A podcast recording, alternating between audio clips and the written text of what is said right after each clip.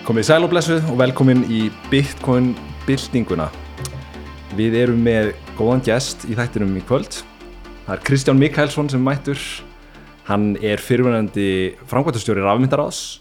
Hann er early bitcoiner, bitcoin miner og svo er hann hjá fyrirtækinu Fractal 5 eða Fractal 5 sem var að gefa út break nú á dögunum.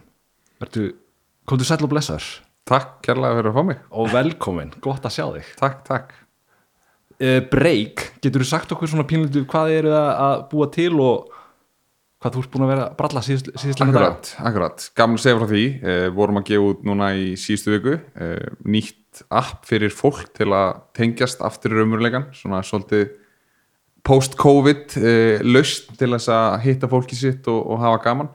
Ég hef lengi verið að spá í þessum málum að, að hérna, koma fólki saman frá því að ég, ég var ungur að þá var ég mikið tölvunörd og svona introvert og, og fannst gaman að, að búa eitthvað til sem að samanlega fólk og, og, og eitthvað slíkt. Þannig að það er svona eh, þetta þarf ekki að klikka, þetta er öllu lausn og, hérna, bara gaman að sjá hvert við náum íta því á, á næstu mánuðum og árum.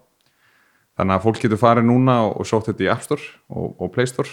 Heitir Break, eh, Break Social eh, ef að hérna, þið finnið það ekki ennþá í App Store-inu og bara endilega fara að gera sk- skemmtilega hluti með fólkinu sinni í raunveruleikan það er það sem þetta snýst allt um á endan að hérna, að lifa góðu lífi og, og hafa gaman með góðu fólki.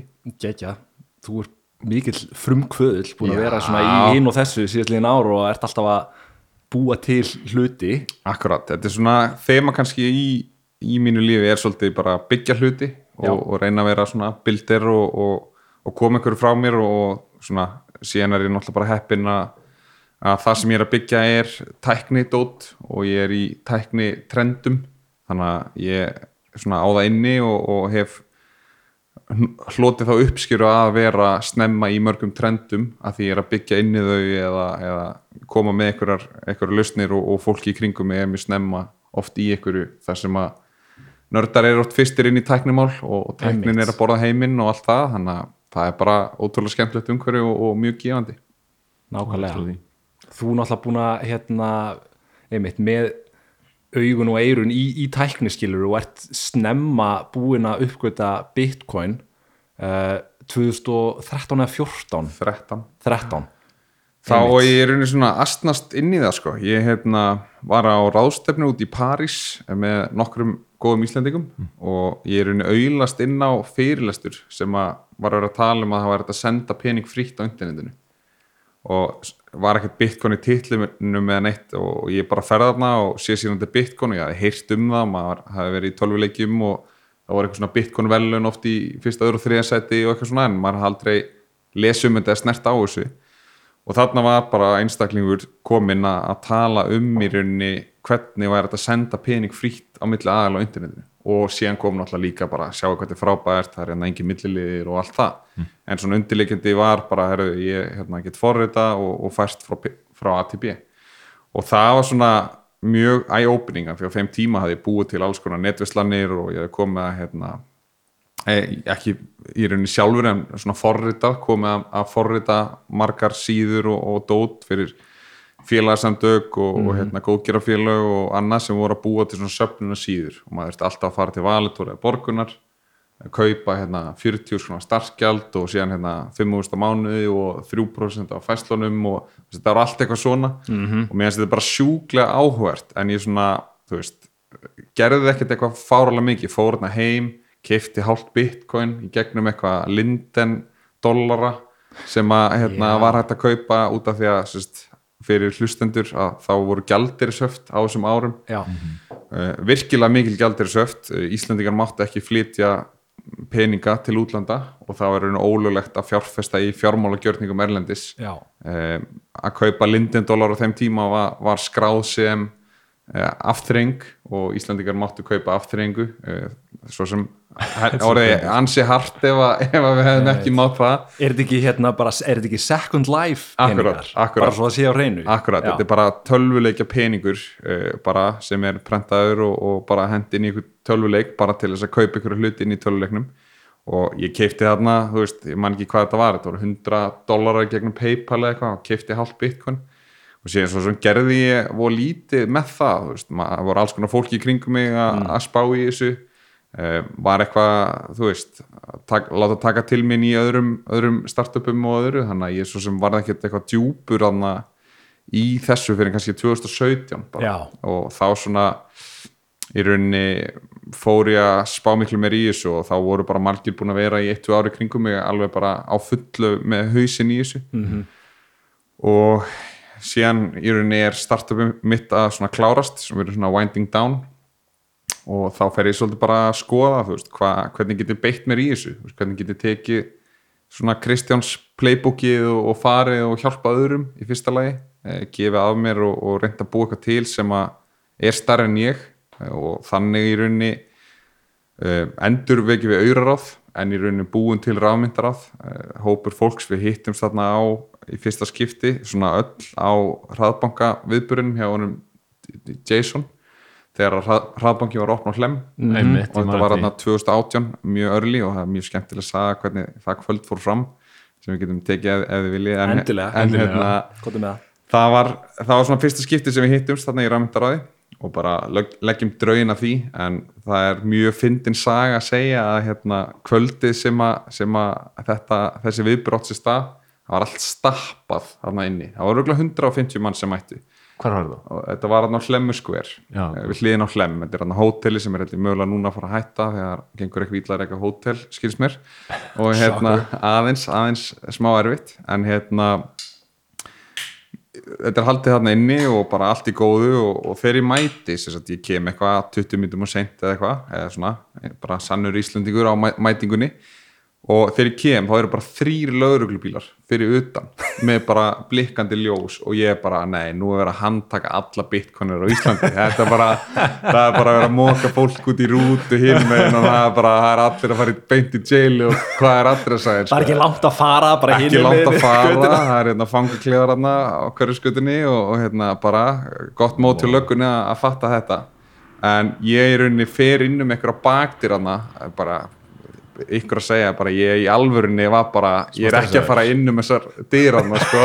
Og ég er svona, það eru aðra dýranna á hliðinu sem ég fer inn og kíkja eitthvað. Og þá er engin lögga inn og eitthvað þannig að ég fer bara inn og eitthvað og, og, og bara fyrstu einstaklingu sem ég þekki ég bara hvað, þú veist hvað er í gangi hérna löggan og eitthvað? Og þá faraðu að segja bara já það er hérna björgunarsveitin hangir á húsinu það er eitthvað hérna fjögra metra hátt skildi og það er bara búið að rýma húsin við hliðina og þegar bara skildi getur bara drepið eitthvað neða fíkur, það var bara styrla óviður og löggan bara búin að girða göduna okay. og ég var bara, þetta er of mikið tilvílun og þetta verður svo geggi saga eftir á þetta er bara svona, opnum hraðbankan hérna, og löggan alltaf heldur bara allt peninga þetta heimsins færi gegnum bitcoin og, og hún er bara mætt þarna til að handtaka, handtaka allan líðin sko, Hva, Hvað gerist fyrir hraðbankan? Sko, hún var rauninni bara ítt út þegar að hérna, FME komið nýja lögjöf í samræmið AML 5 lögjöf Európu sambandsins mm. að þá í rauninni er bannað að stunda hraðbanka starfsemi í, í rafmyndum. Bara tekið fyrir það og, og við mótmæltum þessu mikið að þetta var þrengri lagarsetning sem að koma hérna á Íslandi heldur en út í Európu sem dæmi. Það voru 6.000 og eitthvað hraðbankar uh, í Európu þegar okay. þessi lögjöf er sett. Mm og í rauninni laugin voru bara sérst niðin aðeins sem einar hraðbanka ná hlem yeah. og við mótmæltum og það er alveg að fara á alþengi.is og finna ykkur bref eftir mig að, að hérna, öskra á eitthvað fólk. En, en, en hérna, það er ofta ekki mikið hlusta þegar, að, þegar að, þetta stimpla sem eitthvað hérna, undist að alls vonds í heiminum. Þó að við vitum allir í dag að það hefur náttúrulega bara algjörlega verið eitthvað fýrmongering eins og sagt á ennsku og í rauninni já, það var bara mjög leitt sko en, en hérna, aðlinn sem að átti þann hraðbanka þurfti bara að taka niður. Af því að það var bara verið að fara að taka niður af lauruglunni þannig að það var ekkert, ekkert annað val og í rauninni hefur aðeins reynda ídónum aftur tilbaka sko en, en það er bara eitthvað sem er að stoppa það og bara mjög miður sko og hérna leiðilegt. En, en ég held að svona ástæðan fyrir því að Ísland var mjög hart í bitcoin sagt, á, á móti bitcoin og annað er bara út á gjaldirisöftunum við vorum ekki með mm. þetta störla adoption hérna, eins og margar þjóðir mjög snemma þrátt fyrir Oracoin og allt það, við getum talað um það á hérna, öðru spjalli eða eftir eða hvað sem þið viljið. En við í rauninni bara einstaklingar get ekki keift bitcoin að neinu viti. Þú veist, ég keipti að það gegnum eitthvað entertainment fyrir 100 dólar Já. 100 dólar er ekki fjárfesting. Nei, það er bara, það er bara að pröfa og sjá. Einmitt. Og þú veist, þú gast hendi ykkur um nokkur hundruðum dólar eftir þessu eða bara mæna þetta. Er super sorglegt maður. Já, Að, og- þú veist þessi gældari sem koma á þessum tíma Já. og bara hvað þetta þú veist. Mhm, þetta heldur aftan á okkur, aftur á okkur og, og svona mindsetið á Íslandi er þannig að bara fólk er ekki snert á þessu þannig að frendi er að frænka er að ekki að tala um þetta. Einmitt. Þannig að stjórnmálin verða mjög aftalega á meirinni með þetta, mm. löggæslan og allt þetta er aftur mjög stress, stressu með þetta og þú veist, tekur bara mjög langa tíma að snúi þessu við og bara starfið sem að rafmyndir á gerði á þessum árum var bara veist, þetta fór úr því að, að þegar maður var að byrja að, og leggjast á sverði bara fyrir land og þjóð að íta þessu málum en áfram að það var bara, maður var nánast hlegin út og maður var bara að neyta að fá fundi með þessum út á orspors á eftir ráðherra og bara eitthvað svona dæmi og síðan í dag nú er bara tíu þingmenn sem eiga rafmyndir Þú já veist, þetta, ok þetta er bara svona Hvaða upplýsingar eru það? upplýsingar hafa? það, ég er náttúrulega með alls konar upplýsingar og, og þetta er ekkert, ég sjá, sjá þetta ekkert hérna, á Wikipedia sko en, en hérna bara, þú veist, ég þekki fólk sem að er þarna inni, sem á og, og hérna, og allt það, þannig að þetta eru bara mjög breytti tímar og ég rauninni er ekki hort á þetta með einhverjum augum til að lemja þetta niður, heldur miklu meira hvað er tæki fyrir, fyrir Ísland sem við höfum reynd að tala fyrir en, en bara mjög erfitt að samfara þegar að, það eru íslenska ríki er mjög lítið og, og vannmáttugt og erfitt að setja pening og tíma í að, í að heitna, þróa lögjöf og, og tækifæri fyrir frumkvöla í þessum heimi sko. Já, en sko bara þetta er ótrúlega áhugavert að það séu tíu þingmenn, þá núverandi þingmenn er nýbúið já, að kjósa svona, já, svona, svona- fólk sem að he, Já. var á síðasta þingi og núna þú Já. veist að hérna, en bara maður sér umræðina á Íslandi pínulítið, þú veist það er hérna uh, fólk sem að er dálítið að tala ofinberlega um Bitcoin og rafmyndir Mhm. uh, þú ert búin að vera svona framalega á meirinni þarna,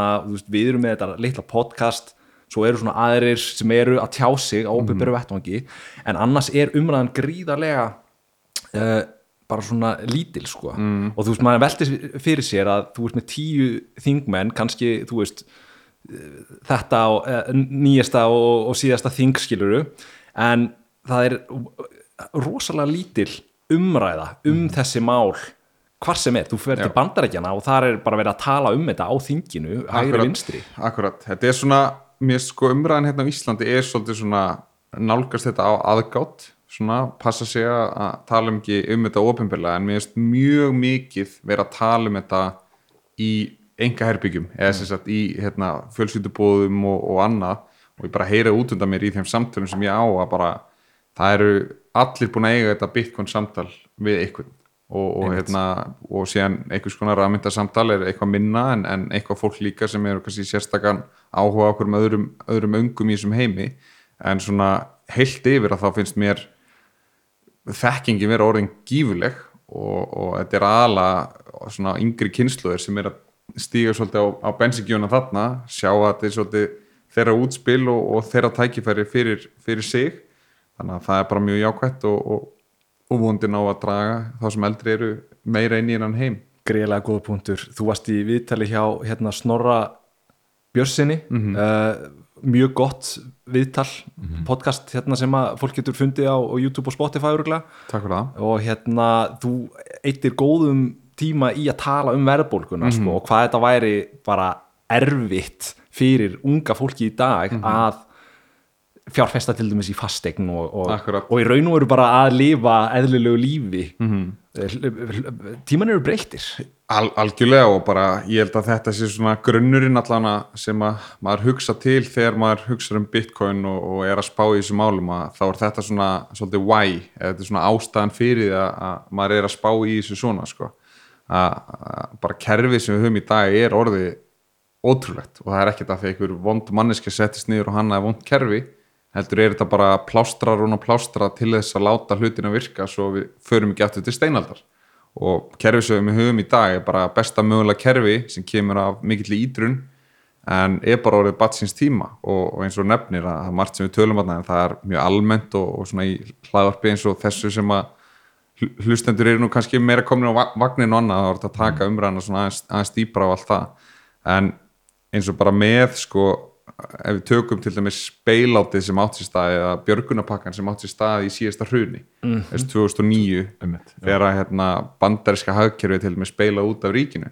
Að mér minnir að það hafi verið 900 miljardar dollara sem kosta að beila út allt bankakerfi bandaríkina sem var í rauninni mi miðja á rót vandans bara einhver afleiðu samningar sem sprungu og bara allir lukkurittararnir bara hlupi í burtu og, og þetta var veginn bara stór skandal það er búið að samþykja tvo eða þrjá björgunapakka inn í COVID fyrir yfir þremur triljónum dollara, sagt 3000 og eitthvað miljardar dollara. Hvo, eh, er klikkað, sko. hver björgunapakki er fjórfalt meiri og þetta kerfi sem við höfum er svolítið bara þannig að það þarf, það þurfa öll hjólin að vera smurð og, og það er svona þetta liquidity að seljanleiki á mörgum þarf að vera djúpur. Og um leið og kemur hík á markaði að þá bara verða allir stressaðar að tónlistin sé búin og, og þá bara koma dýfur. Sáum þetta 2018 áður en að COVID kom, hann í desember þá kemur 15-20 bara stíf á hlutabröðmörkum mm -hmm. uh, seðlabankarnir eru byrjaðar að í rauninni selja eignir af því að þeir eru búin að hlaða á balanssítin sérstaklega í Evrópu frá 2013 bara til að reyna að keira hérna, og trekja hagkjöru heimsins upp. Og síðan hann 2018 þá byrjaði að, að, hætta að kaupa og, og í rauninni fara að selja af sínum eignum sagt þá að láta fólk eh, svona önlóta toppinni sem maður segir en he- hérna fór að dömpa tilbaka. Og þá voru fjárfesta bara núna kemur veist, sæðlabankar hættir að grípa inn í og, og þetta tapering sem er núna í gangi, það er bara búið. Og það var fyrir COVID, það var verið að- gera nákvæmlega sama og, og er í gangi í dag þrátt fyrir að, við höfum lengsta hagvægsta skeið til dæmis eins og í bandaríkjunum bara í, í svona nútíma hagsu, hagsu bandaríkjuna þannig að seðlabankarnir þarna fóru bara og, og byrja að selja, selja hluti sem við voru búin að hlaða á bækurnar sína til þess að kaupa og, og provida liquidity á markaði. Síðan bara fór, var þetta púla að þá bara fara að marka 15-20% niður. Og það er bara því að þá er tónlistin bara að stoppa og allir vera brjálæðir og seðlabankar segja bara við, við verðum að kaupa meira annars er bara markaðin búinn sko. þannig að þeir fara að kaupa meira og síðan kemur COVID og það er einhvern veginn bara svona himna sending fyrir seðlabanka. Vissulega er þetta ömulegt fyrir okkur öll en bara svona fyrir seðlabanka og stöðina og, og það sem þeir svona verja. Mest too good to be true fyrir þá. Já, þú veist, þetta, er bara svona herðu, hérna, við kliftum á bremsunar gerið það sem þið viljið. Veist, þetta var svona svolítið þannig að því að bara núna er komin afsökun, almenningu vill þetta eh, hérna, launþegar vill þetta eh, stjórnvöld vill þetta markaðir vill þetta og þetta er bara svona sugar high fyrir alla og, og þú veist, af hverju ættu ekki að gera þetta? hefði ekki verið fyrir COVID var, var ekki komið aðeins það, það þurfti að fara út í þessu aðgerður þú veist, Jú, og- og og, sérstaklega með pæli annað eins og bara með long term debt cycle-ið Mhm. mm -hmm. vextir eru að koma bara og skríða nálat nulli Mhm. og þá er bara það tól horfið úr, úr kassanum Mhm. -hmm. þannig að núna verður bara að fara að prenta út pening í mjög miklu magni Akkurat, þetta var einmitt bara sérstaklega svona Evrópa megin bandaríkin náður í kóvar miklu hraðar en Evrópa út úr, út úr hérna hruninu, stóra hruninu 2008-2009 um, Evrópa var bara með neikvæða verðbólgu, eða sérst GDP var bara náttúrulega nulli, verðbólgu var engin og Draghini hérna, seðlabankastjóri í Evrópu, hann var bara hann var bara að reyna að dæla út pening til þess að pumpa hagkerfi í gang og það bara gekk ekki. Bara alveg saman hversu mikið dældi hagkerfi það var bara 0% verðbólga í Evrópu.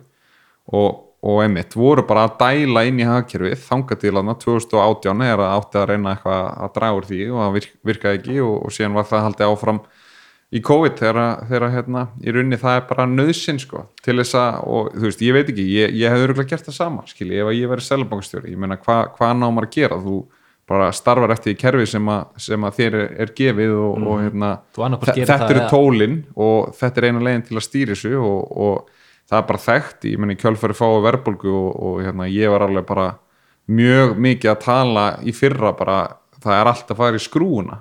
Skilu, núna er eitthvað kreppa og maður gerir það með svona air quotes já, já, hérna, putta, putta hérna, tilvísinu.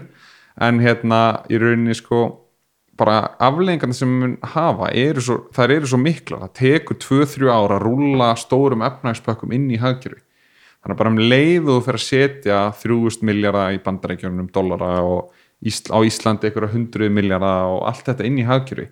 Það tekur 2-3 ár fyrir en að pening að trikla út.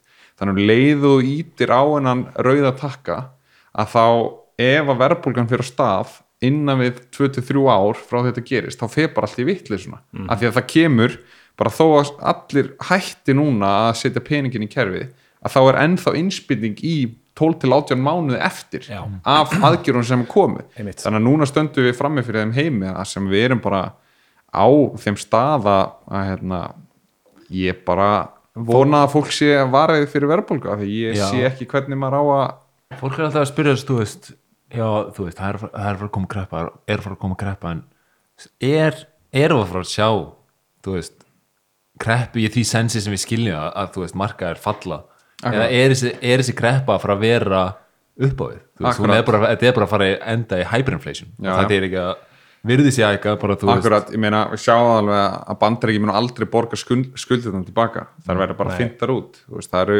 eru þrjá leiði til að borga skuldir. Eh, borga það tilbaka eh, þinna út peningin eh, hérna sem að er, skuldirnar eru gefnar úti sem er oft þjóðagjald með þess land sem að heldur á þeim eða bara borga þær ekki. Já, það, það er ekkert annað sem kemur til greina. Eh, fyrsta, hérna, fyrsta leiðin hún er bara þú þarfst að skera niður í, í grunninnviðum og reyna að borga tilbaka í staðan fyrir að dæli heilbríðiskerfið eða hva, hvað sem það er. Það er mjög óvinnselt leið 2, hún er bara svo sem er farin og leið 3 er bara Argentína skilji og það vil enginn fara þar. Þannig að þetta er einhvern veginn bara svona það er engin önnu leið og við einhvern veginn sem fólk stöndum uppi með að peningarnir okkar þyndir út og, og þannig eru ríkin gerð hól sko. einmitt það eru margir sem að vilja meina að hérna þessi 5% verðbólga til þeim sem er í bandarækjunum séru nú eru mun hærri ef þú lítur á að því að sko ef maður tekur þarna, neysluvísutölu eða CPI eins og hún er reiknuð í bandarækjunum þá eru þetta auðvitað bara handvaldar vörur og þjónustur af einhverjum stopnunum í bandarækjunum sem búa til þessa tölu sem að segir okkur hva, verðból, eh, hver verðbólgu, verðbólgustíði sé. Akkurat.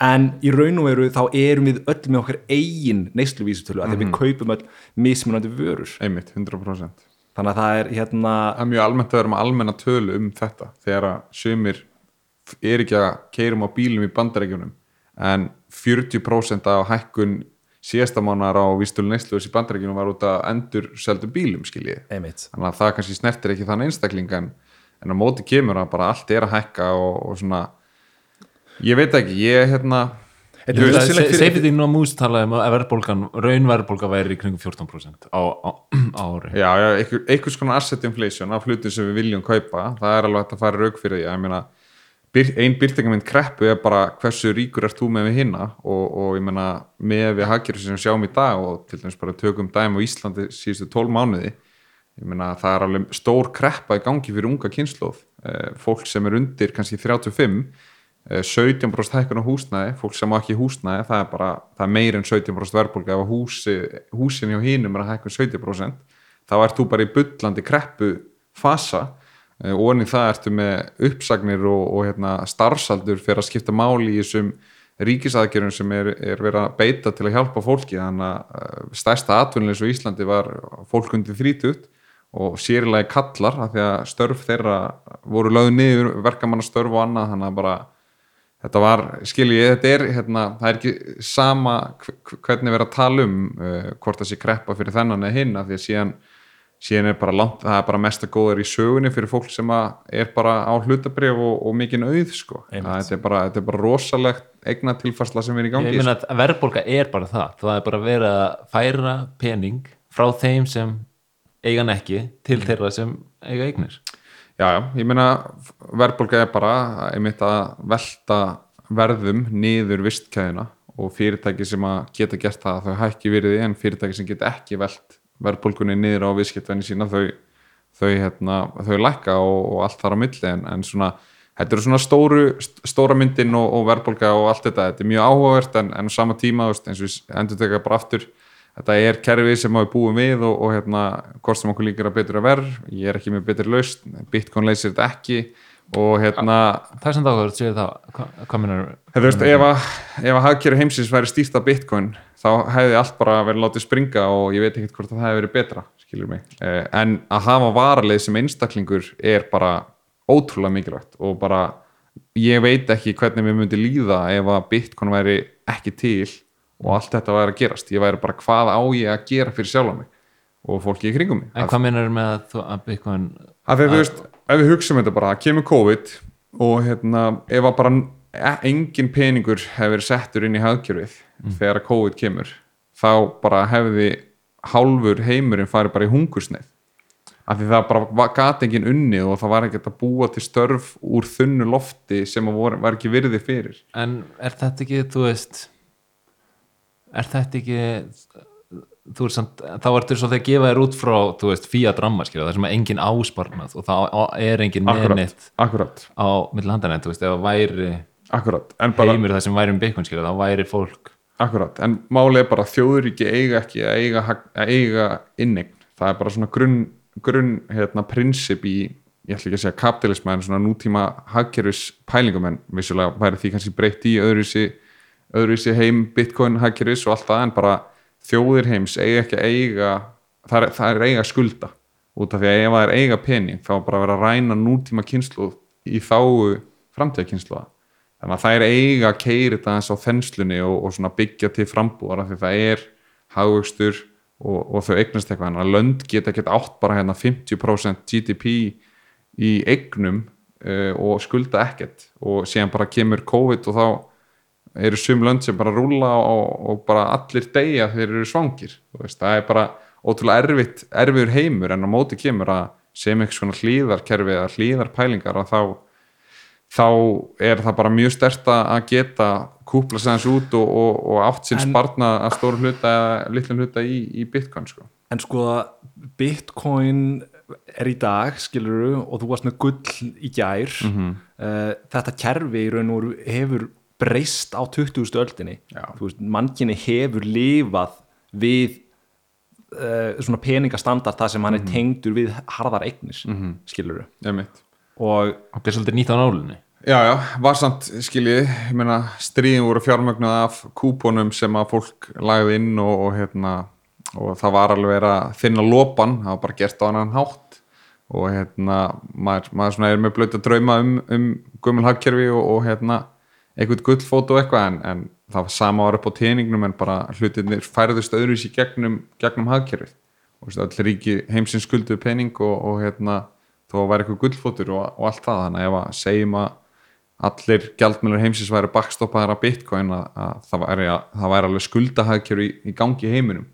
Út af því að bara það er þannig að að aðilar sem eiga, eiga mikið fjármaksflæði þeir geta ekki skuldir og, og af hverju myndir ekki gera til þess að stækka hraðar þannig að svona skulda eh, menningin En þeir- þeir- hvað- já, já, já en þeir, þeir sko munurinn er samt að þeir stjór þeir, þeir sem eiga mikið magna peningum skiluru Mhm. uh, í Bitcoin hækkerfi, þeir geta samt ekki stjórnað uh, framleiðslu Bitcoin peninga þannig að Mhm. það er, þeir þurfa að ef að þeir vilja taka lán innan gæsalappa í einhverjum svona framtíða scenariói Mhm. þá verða þeir í raun og veru að, að kaupa þá peninga. já, í raun og veru og bara og, og, og, og, og það sem er í bóði á markaðunum er það eina sem er í bóði þeir get ekki farið og fengið fengi neitt meira skilur þannig að þe- þeir munu auðvitað geta fengið sér hérna einhvers konar lánsfjármagn í framtíðinni en það verður alltaf bundið við Já. flöðuna sem tengjast á Bitcoin kerfinu sjálf eins og við tökum bara bitcoin mining þá hérna ótrúlega dýrt að rúla sér inn í það. Og það er bara að vera að veðsetja future cash flow sérst future bitcoin sem eru búin til og, og það er að vera að kaupa búna í dag. Og þú veist, í einhverjum heimi sem að hérna, bitcoin væri undirstaða alls eða, eða undirstaða hluta eða eitthvað þá, þá, veist, þá getur ekkert fjármagna þann gjörning nema með því að veðsetja eitthvað fram í tíman og það er bara svona grunn koncept bara. Ég skal hérna, tryggja netið uh, til þess að tryggja þá í rauninni þarf ég mikinn pening og ég er með eitthvað auðlindir og eitthvað og hérna ég skal gera það fyrir ykkur en, en ég bara get ekki gert þetta eitt sko. Nei, og þú veist af hverju myndir selja bitcoin uh, til þess að kaupa búna til þess að framlega meira bitcoin? Veist, eftir síðasta halving er það ekki hægt. Þú getur ekki outperforma bitcoin með að mæna, mæna bitcoin Er það Sko, fyrir víst? það er fyrir víst sko að, Bitcoin, að virði Bitcoin kerfisins basically getur ekki aukist eftir að Nei, nei, það sem Nei, ég er veist, það sem ég er að segja og fjárfestir, annars verður spot bitcoin og, og spot mining, bara að kaupi græju fyrir bitcoin í dag Mhm. og mænar eh, þá er það aldrei að fara átperforma að halda á bitcoin Nefnum að náttúrulega fór rammarnið kannski frýtt Já, já, þú veist, þú getur verið með alls konar eh, stærðir að nynni sem make ekkert sens en, en bara þú þarft alltaf að borga endanum ef að þetta er á stóru skala og allt það. Þannig að eftir síðasta halving þegar frambúið fór úr 1800 bitcoinum á dag niður í 900 að þá hætti þessi mekanismi að vera til staðar. Af því að bara 900 bitcoin á dag er svo það er svo miklu minna en 1800 þú veist, það er helmingi minna þannig að til þess að vera hól og, og í rauninni uh, já, þetta bara dæmi gengur, gengur ekki upp lengur þannig, að einhver verið skrifað um þetta er áhugaverð punkt ekki verið skrifa mikið um þetta út af því að bara fólk sem er í mæning og djúft og eitthvað er kannski ekkert að hlussa út upplýsingum af því að það er bara fólk í samkeppni sem, að, sem, að, hérna, sem er að spá í hlutunum en það er alveg til marga jöfnur og, og hérna, til dæmis mjög góður pappir sem að Sveit Valfells og, og Jón Helgi gefa út 2013 sem að lýsir öllum hagstærðum í, í Bitcoin út frá mæning sjónamiðum og fullt að góðum jöfnum og annað til að finna út skurrpunta og, og dót og þetta er bara akademísku pappir sem að það er, það er þetta flettu, mm -hmm. bara Sveit Valfells og, og, og Bitcoin mining hefur googlið það og hérna bara mjög áhugaverð nálgun sko en, en við erum bara komin á þann stað að hérna, verbulga í Bitcoin er bara 1,7% og það er ekki nóg til að borga fyrir það, það eru miklu fjárfestingar til þess að, kreista það sem er eftir sko. En verðið á Bitcoin er að halda áfram að, rísa skil Akkurat, en, en ef þú myndir ekki kaupa græjunu fyrir bitcoin það áttu bitcoin. Þannig að í dollurum ert að átperforma fjárfestinguna sem holder á móti því að vera mænir, skilur mig. -hmm. þannig að það er það sem ég er að segja í fiat, þú veist, í dollurum ef þú selur bitcoinit og kaupið græju fyrir sama pening þá er það verri fjárfesting heldur en að halda á bitcoin. Einmitt. og það er bara þú og veist- meira í liquid og erfiðara og allt það, skilur Já. Það hefur samt alveg verið mikið múment af þú veist svona plebum og að vera að kaupa mænin búin að Já, og það er í rauninni bara, bara vittlisa bara, það er bara þannig þú veist, vissulega hafa einhverjir aðgang af hérna að rafmagni sem er eitthvað fárulegt og, og þá er þetta bara geggjað en ef þú ert bara á, í venjulega hakjur og ert að kaupa rafmagn á Íslandi á 12-14 krónur eða, eða jafnvel 16 sem það er á Íslandi. Það er- Já, sem er svo dýrt þegar komið hendlin Já, bara heimarafmagnin 16 krónur á meðan, þú veist, gagnaverinn er að fá þær á, á 4 cent eða 5 cent eða eitthvað. Og hérna 30-40% af því sem hinn er notað og, og borga fyrir. Að í rauninni þá ertu komin bara í allt annan leik og, og í rauninni að tala um svona í mining bransanum og þetta er alveg þekkt vandamál í Bitcoin sem heitir The Tragedy of the Commons. Ég veit ekki hvort það hefur flettið upp en, en það er rauninni lýsir því að hversu mikið er of fjárfest í mæningbúnaði og, og eitthvað því að allir eru bara að horfa á núverandi stöðu. Það er engin með að framvirka spára að hugsa tólmánu fram í tíman hvað er að fara að gerast af því að fólk er bara eitthvað herru, ég tek hérna eitthvað hasreit, setja henni í jöfnu setja einhverja vélinn í jöfnuna og, og hvað rafmagnum mitt kostar og þá bara fæ ég út að, að í borgarni vélina á 11 mánum og síðan bara let's go. Og fattar ekki bara að þú veist ok 35% af bitcoinetinu fór offline uh, fyrir í sumar út að Kína bara bremsaði nóttu. Og það var, bara, það var í alvörinni bara mjög ríkt fólk sem að þurfti að, slaufa öllu bara overnight, það var rosalegt.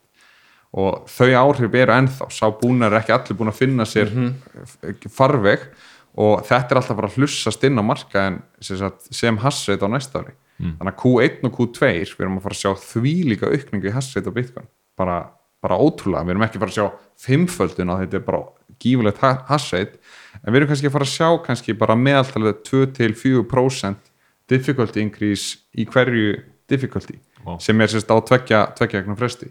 Og þetta er að fara að vera bara eitthvað taktur sem við sjáum. Óháð því í rauninni hversu hvers virði bitcoin er. Vissulega hefur það ykkur áhrif út að S9 og annað en, en við erum bara svo langt frá því ennþá. Og það er svo mikið marginað en ennþá. Þannig að þessi búnar er að fara að vera online. Það er að byggja þú veist 500 megawatt að gagna verið út um þvers og kruss uh, í heiminum í dag, bara Kanada og Kazakstan og bara fullt af einhverju löndum að nýta eitthvað hérna stranda hydro hér og þar þannig að þetta er alltaf bara að hlusast inn á markaðin og bara ef að fólk er eitthvað að mæna bitcoin að ég bara segi bara god speed sko, í rauninni sko. Eitt punktur með heimamæning uh, sem að er kannski pínlítið vannmetinn og hann er sá að þú, þetta er eins og Ívar er að segja, þetta gæti verið eitthvað bara svona hobby dæmi skilurðu. 100% og ég stið Og það þú- bara já. að tinkering bara, bara all for it en þetta er ekki góð fjárfesting. En sko, þetta er góð fjárfesting ef þú ert að hugsa til lengri tíma. Ég kaupi bitcoin fyrir börni mín skilur Já. og þú veist e- þau muna ekki snert á það muna ekki snert á því en, bitcoin en, en þú, þú hefði ekki það keift bara spot. Já, þú það er hefði ekki bara það- keift bara stapla satt skilur. já, en, en það er einn punktur í þessu og það er þú veist er, er þetta alveg bara galið en sem þú ert bara að fara að enda helling niður eða ertu fara að vera einhverstað að ná sléttu og mögulega ná að stapla satt þú veist, non-KYC skilur þarf þetta ekki að gefa upp nafnið þetta og hver þú ert Mhm. og kannski á þrejum árum þá ertu svona þú veist, að slefa on, on par Einmitt, ef ég geti svarað því að þá væri ég örgulega ríkastum ára á jörðinni sko en hérna það er bara það er segja. ómögulegt af því að þú veist þetta er bara svo flókin reyfing að bara Já. þú veist, maður í- hefur samt sem þvílíkt upptök í einmitt Já, að, já. að fólk er að, að þú veist, það var- smí, smíða bóks og Já, já, en ég meina á sama tíma, ja, ekki sama tíma en svona eh, kringum júni, júli þá var bara met gjaldþrótt í, í bitcoin mining í heiminum. Júni, júli núna, í, í fyrra já, í fyrra. Að það var bara, þú veist, það kemur halving, uh, menn uh, einstaklingar í geiranum stapla fíat til þess að bara vera tilbúnir með fíat til að verja, af því það er bara rámasreikningar í fíat sem að þarf að borga, bara dólarum. Og hérna allir stapla því og, og eru tilbúnir fyrir halving en síðan kemur bara flugban í mars og bitcoin fyrir 5k og er síðan bara að hofvera í 8k miklu neðar en, en allir byggust við. Þannig að bara í júni, júli þá er bara peningur búinn hjá öllum og það er bara fjöldagjaldrót í geiran Wow. uh, við vorum líka með fjöldagjaldrót í, hérna, í, í 2019 líka 2018 en síðan er alltaf bara eitthvað sem kemur og, og fjárfestir í þessu þú veist, við erum að tala um það S19 nei, S9 vél- vélar sem er, var svona þekktasta námu vinslu vél bara allra tíma. Legendary. Legendary og bara vinnu hjálkur og bara 5-6 ára vel að keira bara eins og, eins og eru nýjar sko, nánast. En hérna þær kostuð eitthvað, nokkuð þúsund dólar ég man ekki nákvæmlega hvað það voru þarna 2017 síðan bara fara niður í 50 dólara eh, 2019 eh, bara, eða sem sagt, 2018 fara niður í 50 dólara síðan hækka þær eh, yfir, yfir sömarið, síðan aftur 2019 fyrir sömarið, þá fara niður í 50 dólara aftur. Síðan hækkar þetta alveg stjartfræðilega þarna sumarið 2019 er að Bitcoin fyrir 13.5 eða eitthvað 13.500 dólara og síðan bara 2020 þá bara aftur bara 25 dólara verða á þessu. What? síðan hérna fer þetta aftur og það er bara 400-500 dólara verð á, á hérna, þessum vilum á þessu ári fyrir hluta ársins.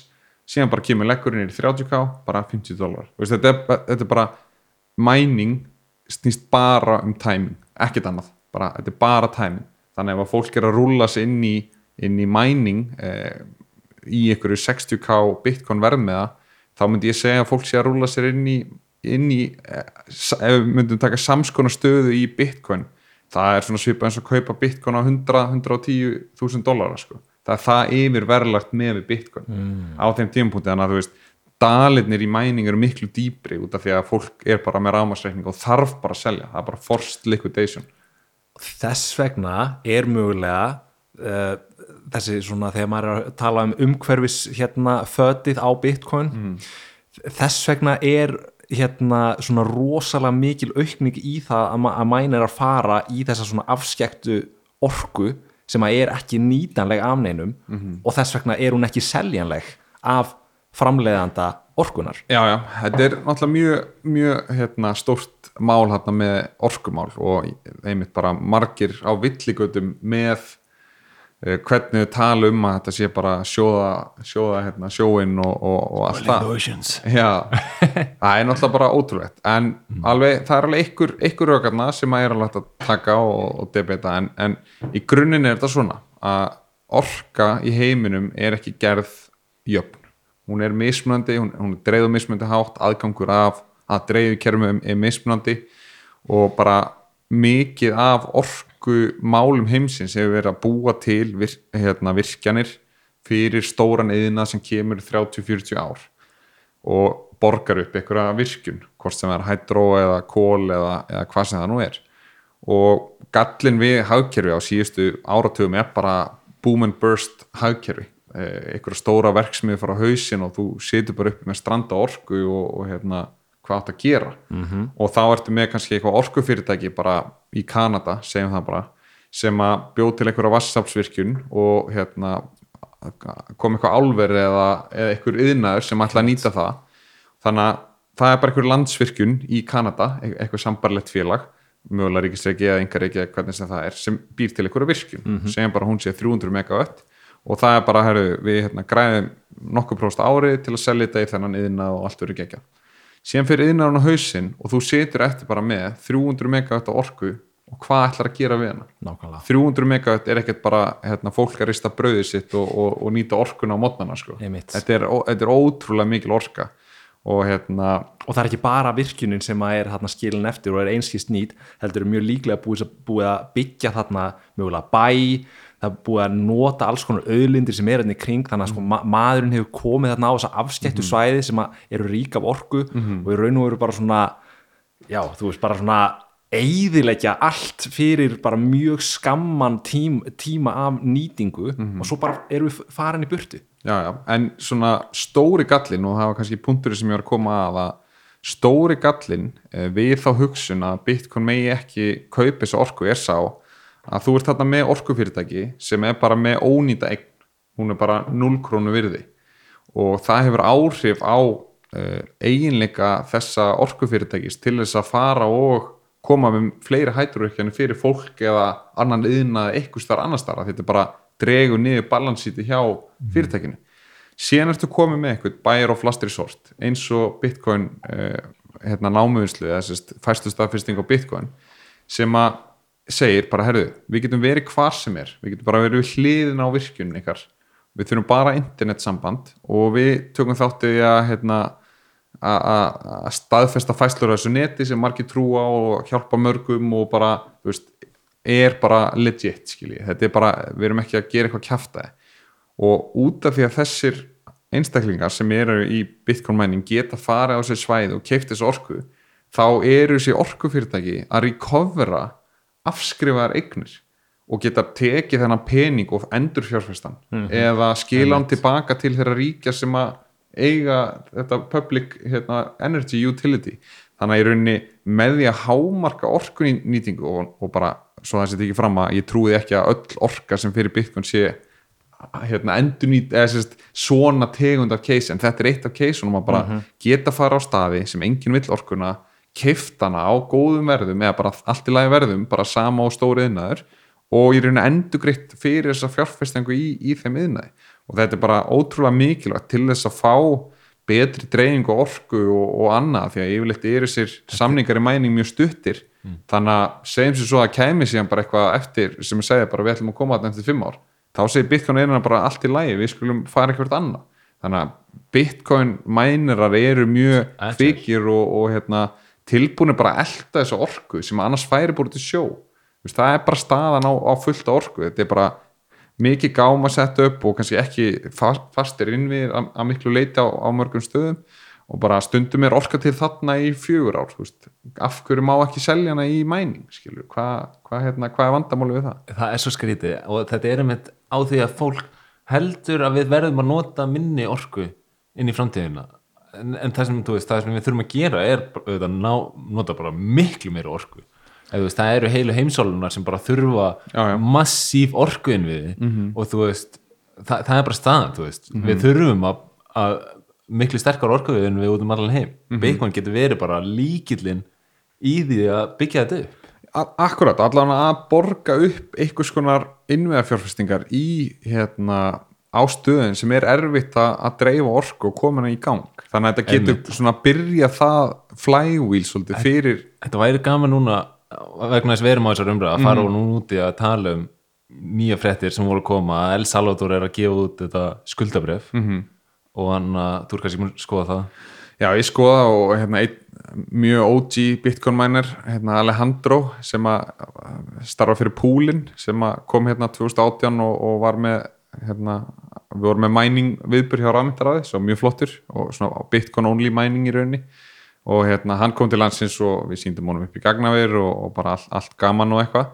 Og hann er með tweet og það fekk nokkur hundru hérna, like á, á Twitter að þess að Iceland did green mining before it was cool. Og það var eitthvað svona mynd af Ísland og El Salvador. Og mér finnst það gegja af því að það var svo mikið bara við erum búin að vera aðeins allan enna tíma en, Já, volcano mining og allt þetta Já, og, og ég sendi á hans inn í gríni og ég veit ekki hvort ég var að segja þetta í hvernig þætti en, en svona ég sagði bara yes they are cloning our, our recipe minus the dictator þannig að það var svona það sem ég, ég sendi á hann sko. en erna, við erum búin að vera aðeins allan enna tíma og, og grænskuldabrið bitcoin ég menna ég myndi persónuleg ekki borga hálf gjaldrúta þjóð eh, inn, í eitthvað, inn á okkar skuldabref sko, eh, til að mæna bitcoin þegar að þú getur blikkað einhverja íslenska mænera og, og, hérna, og í rauninni gert sama gjörning sko. en, Nei, nei, það eru margir sem eru búin að vera að hérna, gaggrina þetta, segja mm -hmm. veist, þetta, er, þetta er vissulega nýtt frambóð af, af, af skuldabrefi tengt við El Salvador sem að er, Akkurat. þetta ríki sem að er, þú veist já, innan gæsalappa þriðja heimsríki og ég veit ekki eins og hvort að maður gæti kannski bara verið utan gæsalappa talið sem slíkt mm -hmm. en þeir sem hafa talað fyrir þessu skuldabrefi og það eru þá til og með þessu blokkstyrjum sem eru að gefa mm -hmm. þetta mhm. út með El Salvador Very convenient Já, nákvæmlega, þeir, þeir náttúrulega þeir, ta, þeir tala um að, að áhugin sé mikill allavega til að byrja með og mm -hmm. þeir eru að búast við því að þetta verði oversubscribed Einmitt. og auðvitað eru þetta útgefundur mm -hmm. hérna, þessar skuldabrís og tíminn verður bara að leiða þetta ljós Einmitt, af því það er, það er mjög solid að taka þátt í skuldabrjóðbúið ef maður er að fjárfæst í skuldabrjóðin sem er náttúrulega alveg bara vest að fjárfæsting í heiminu núna en það, bara er, það er bara ótrúlega mikil peningur sem að þarf að kaupa skuldabrjóð og að kaupa í bitcoin mining er bara gegja skuldabrjóð að halda á af því að mm -hmm.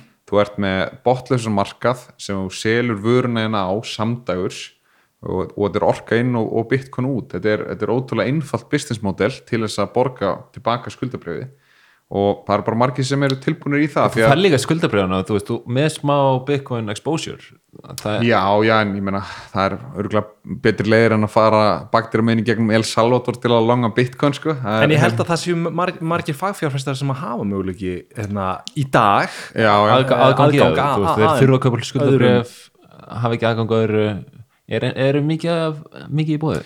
Nei, að vandamáli í þessum heimi er að sagt, uh, bitcoin mining það er svona debatt í gangi heiminum hvort það sé ESG compliant uh, falli inn í hérna, þá skilgreiningu á grænum sjónamiðum mm -hmm. og það er svolítið bara svona minnst að mögnu umræða því ég er svona mikið að pæli í þessum málum en, en svona umhverfismálum. Já, umhverfismálum og er vegani og alls konar og hérna búin að fjárfesta í fyrirtækjum í lostasmálum og, og, og styrkja 20 miljóna inn, inn í alls konar lostasmál og eitthvað.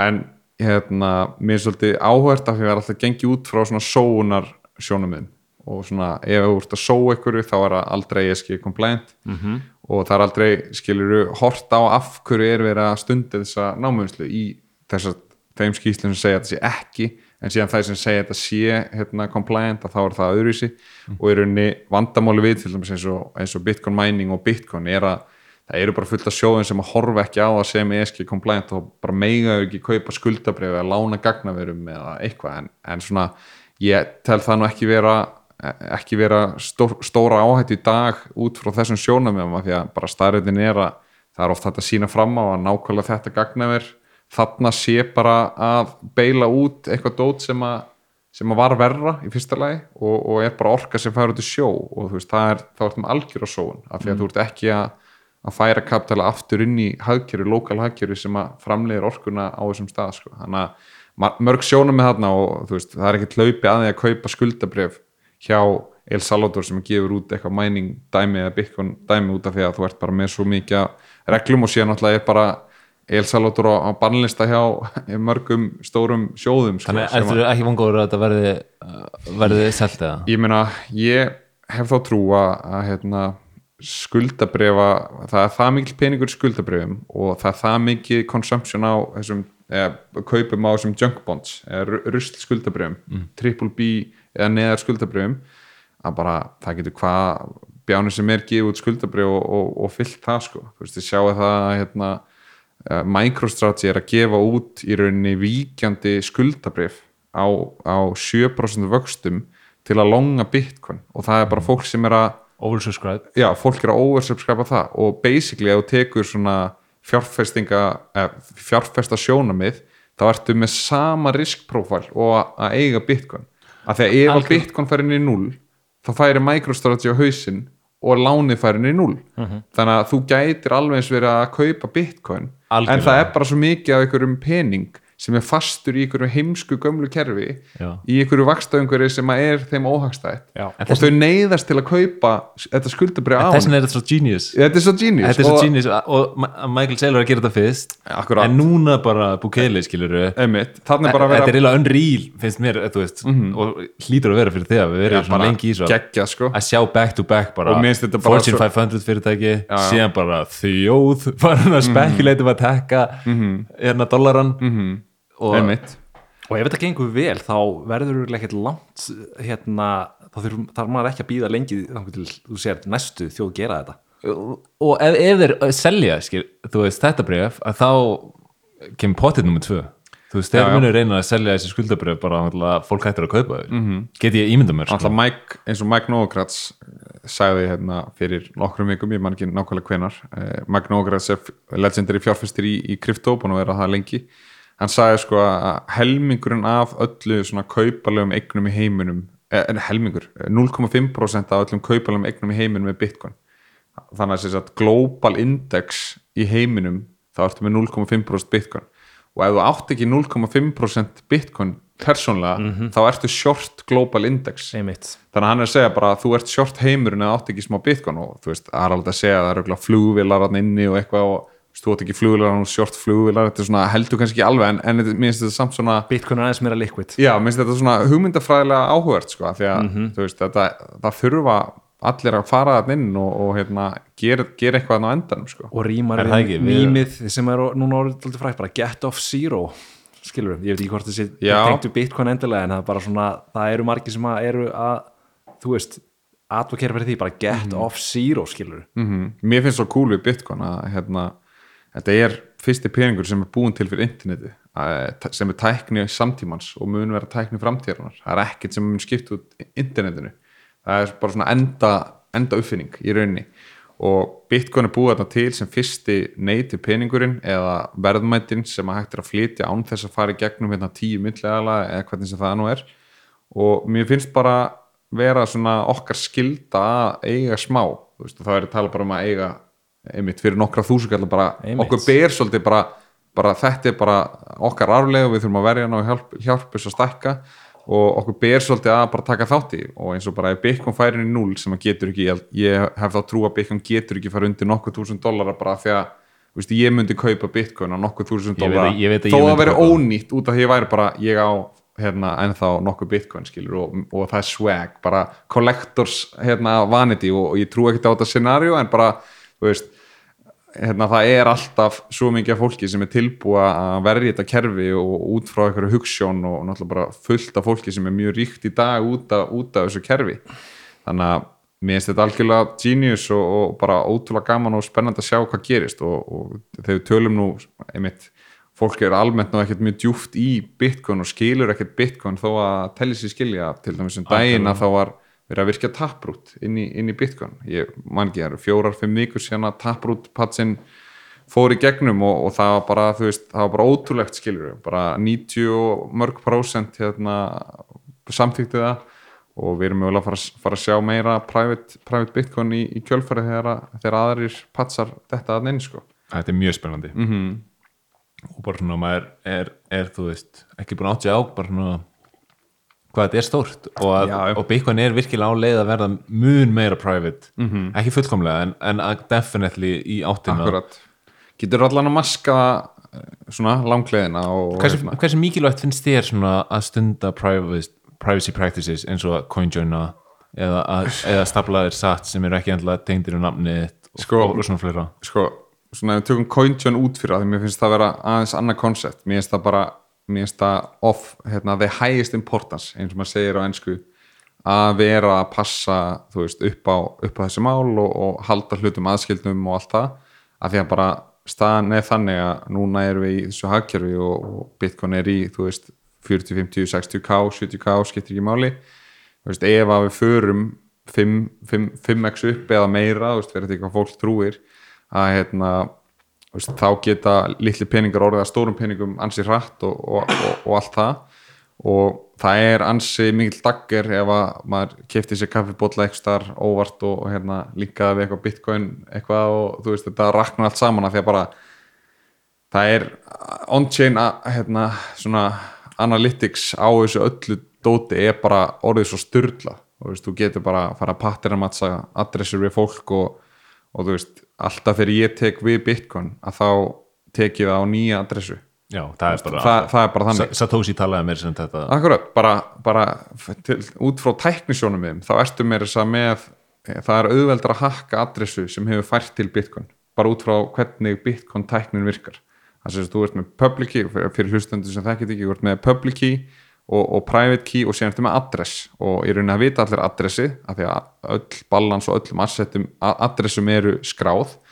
Um, en sagt, það veit enginn public keyin á baku adressuna fyrir hún hefur hreitt bitcoin af því þá, þá er public key ekki notað í transaktionu nema þessi fært.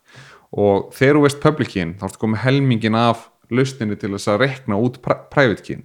Ef þú ert ekki með public keyin þá getur ekki rekna private keyin ef þú ert með public keyin þá getur þú rekna private keyin en það er bara eitthvað svona á núverandi reikning getur bara eitthvað bara óendalegt skilja nánast, þú veist, það, þetta er eitthvað, þú veist, fjúst ára á einhverjum svona mörgum úrtölum og eitthvað. Það er ekki, ég myndi ekki segja stjartfræðilegt en bara ó, ógjörningur á núverandi reiknafli og þú veist bara það til dæmis að út frá privacy sjónamöðum að taka alltaf nýja adressu uh, í hvert skipti sem þú gerir eitthvað viðskipti það er bara gífulega mikilvægt bæði út frá þessum svona reverse sjónamöðum, maður geta endur reikna þetta en líka bara til þess að halda hlutum aðskildum. Þannig að þetta er, það er margt þarna sem að skiptir mjög mjög máli og, og fólk kannski almennt átt að segja ekkert á en, en bara það er það eru kostur og gallar við að hafa opið reyngjænlegt net. Eh, allir sjá allar fæslur veist, ef ég veit á fóst í kringluna að kaupa, kaupa skó og, og hérna, sé að fæslan pingaði fyrst eh, hérna, fúlnóður á Íslandi skilji, þá bara það, þá er, er ekki erfitt að pinnponta hver var skilur í kringlun að kaupa fyrir þessu uppæð ef að það er niðurstan og, og fólk virkilega vildi það. Mm. það eru 6.000 fullnóður í bitcoin gerfinu og, og það er ekkert mála að það er hljóður að en það? Nei. Fleiri en 6.000 og eitthvað full, fullnóts sem eru sérst með alla historiuna af eh, í rauninni bitcoin netinu og það tengist í rauninni mæningi neitt en er, en er það þá tekið með þá um, aðelar e, e, yfir þær nóður sem er yfir tór mm. og þannig, ég veit eins og all, allar nóðuna frá Umbrell mm. Anna, Get Umbrell mm. þær eru allar bara yfir tór bara átó mm. Mm. þannig að ég, ég held að það sé ekkert ekki en reikningin, ég hef séð aðra tölur um nokkur tíu þúsund nóður akkurat, af því að bara fullstaknóðunar þær eru, þú veist, þær eru bara dietósaða niður, bara menns dietós að, hérna, að því að bara svo mikið trafík á þær. Þannig að ég hef sett upp svona fullstaknóðu og það bara þurft að keira upp einhverja svaka massa vél. Ef þú ætlar að auglýsa hana sem fullstaknóðu, þú veist, vissulega getur keirst allar söguna bara á, á lappanuðinum og, og átt hana og tekið við transaksjóngögnum frá mænurum og allt það en, en svona þessar fullstaknóður sem eru notar almennt af þú veist, þegar þú kveikir á blokkfóli og, og skoðar söguna hérna, þá er þetta pingað veist, þannig að en já, ég veit, ég man ekki eins og hvað pointi var en, en hérna, spólum aðeins út fyrir þannig að það er kannski bara næsta topic. Bara, þú veist, framtíðasínin basically, mm. skilur, þú veist við erum hérna hlutinni sem að er búið að vera að skrifa um þú veist hérna svona þessi fyrstu örli árin mm -hmm. í mhm. Bitcoin um hyperbitcoinization og, og hérna svona speculative attack á núverandi fiat gjaldmiðla mm -hmm. uh, fyrstu þjóðurikinn sem eru að hérna, taka upp Bitcoin mm -hmm. þetta er að gerast núna svona síðastliðin misseri mhm. með MicroStrategy og, og El Salvador og mhm og hyperbitcoinization er basically bara einhvers konar term sem er orðið personlegt fyrir hvern og einn. Ja, uh, love to see it eh, nákvæmlega. Og, og hérna veist, við hugsum öruglega hérna, þrýr allir hlutina pínluti í bitcoin meira mm. en fólki sem er einna út á götu skilur mm.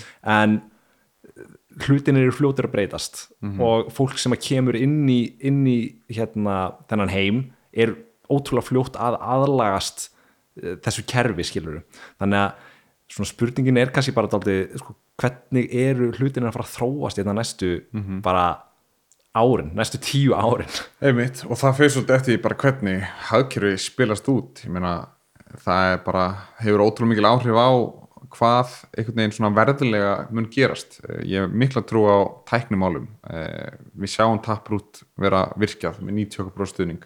Það er mikil stuðningur við þau sjónamið sem að eru þróunarlega bak með tjöldin í Bitcoin. Þannig að svo framtíð er mjög björt og bara átökin á aldrei verið minni. Allir þessi trúðar sem að trúða á Bitcoin Cash og, og ennþá meiri og mestu trúðarnir sem trúða Bitcoin Satoshi Vision það er búið að skóla þeim út skilur ég og, og, og bara þeir eru irrelevant og bara lítill mænir á stórtækum skala getur, getur 51% að takkað eða ráðist á, á þessar keðjur og bara ótryggar og, og bara þessum hugmyndafræðum var hafnað. Og eftir situr mjög sterkur hópur af, af einstaklingum sem, a, sem er með þessa sín sem, a, sem að Bitcoin er. Þannig að svona þróunarlega svona grunnstóðunar eru mjög tryggar lagalega, eh, ég sé þjóðir heimsins setja harðari lögjöf utan um rafmyndir mm. Út frá neytendasjónamiðum passa að það sé ekki vera stunda einhvern ólöglegan gjörning á X-Teams-liðunum on- og off-ramparnir munu herðast mm sem mun valda því að, fólk mun þurfa að gera rástafanir ef að ef að vill vera í meira private heim og, og allt það, þannig að það mun vera einhver baráttu vingil milli, milli fylkinga sem við þurfum að, að hérna, láta í okkur heyra með og það er svona almennt bara hvert heimurinn stefnir, veist, það er ekkert á ekkert endilega við um Bitcoin en, en svona rafmyndir er svolítið bara fyrirbæri sem að er ekki, þau telli ekki vera að temja og svona er fara að ógna þeirra heimsmynda að einhver leiti þó að þetta sé ennþá bara lítið og, og ógna ekki fjármála stöðuleika eins og við komum oft fram hjá stórum stofnum eins og Bank of International Settlements og, og fleirum. Eh, svona verðilega veist, svona leiðist mest að tala um það en, en það er svona hluti af þessu bara ég, ég trúi á það að Bitcoin er rísandi kerfi.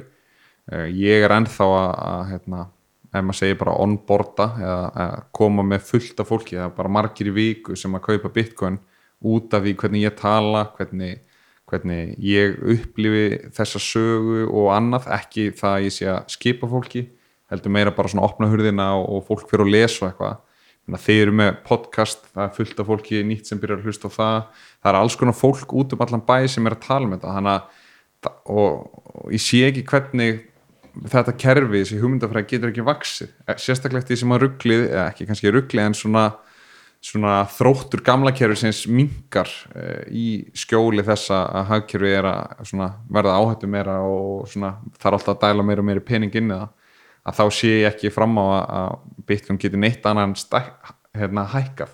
En ég hef ekki mjög gaman að því að hérna, koma ykkur á verðspár eða pælingar þó að hérna, vissulega ég fekk til dæmis sendum daginn gamalt tvít að því ég var sérst í fyrra þá verður bara grjótharður bara 2021 þá mun Bitcoin stoppa í 50-70k og þú veist, ég var bara grjótarra á því í svona prívatsamtölum, en einhvern tíman hafði ég laumað út tvítinu og það var eitt gæði sem senda á mig bara, ég man, þú veist, alltaf á töðast á og svo senda á mig tvítið og ég var bara eitthvað, já, þetta var vissulega legendary tweet. Spot on. En hérna, að, það er engin, engin heimur sem að Bitcoin fer yfir, yfir hérna, 70k á árunu svona í, í mínu bóku, það er náttúrulega bara þrjáru vikur eftir, eftir árunu, þú veist, þetta er bara mjög skammu tími og, og sjóðir og annað eiga til að selja í loka ást til að rýbalansa og síðan koma sjóðir með, með fjárheimildir á nýja árunu til þess að kaupa bitcoin sem hafa aldrei gæst áður eða, eða en svona verðilega þá finnst mér bitcoin vera rísandi kerfi og mér finnst það vera komið mjög stutt með að við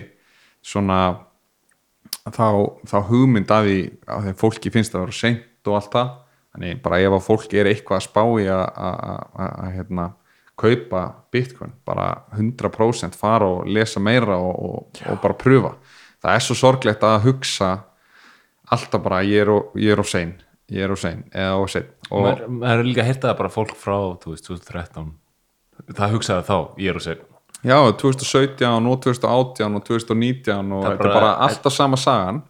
Vissulega er bitcoin orði sko, margfald, tug, tugfald starra en það var og fólk á svona erfiðara með að ímynda sér að, Bitcoin færi bara miljón dollara eða, hundra ás dollara eða hvað sem er. Þannig að það er, maður, svona erfiðar að sjá hækkaninnar en, en það er sama sagan um allar þessar hækkan sem maður orðið. Einmitt. Þetta er hérna svona fyrir mannkinni þá er þessi svona þessi fortíðar þrá, svona nostalgic feeling er þetta aldrei svona sterk fyrir okkur. Þú veist, sem börn þá horfum við á fóruldra okkar og segjum já þú veist, ó þau eru svo flott og er að gera fína hluti hérna, ég vildi að ég geti gert þetta. Og fólk áttast ekki á því að það þarf bara oft að, að býða í ákveðin tíma. Bitcoin er sparnaður og sparnaður hann, hann á að vaksa með tímanum. Þannig að þú veist, þú kaupir þér lítið fræ og svo vex það með tímanum.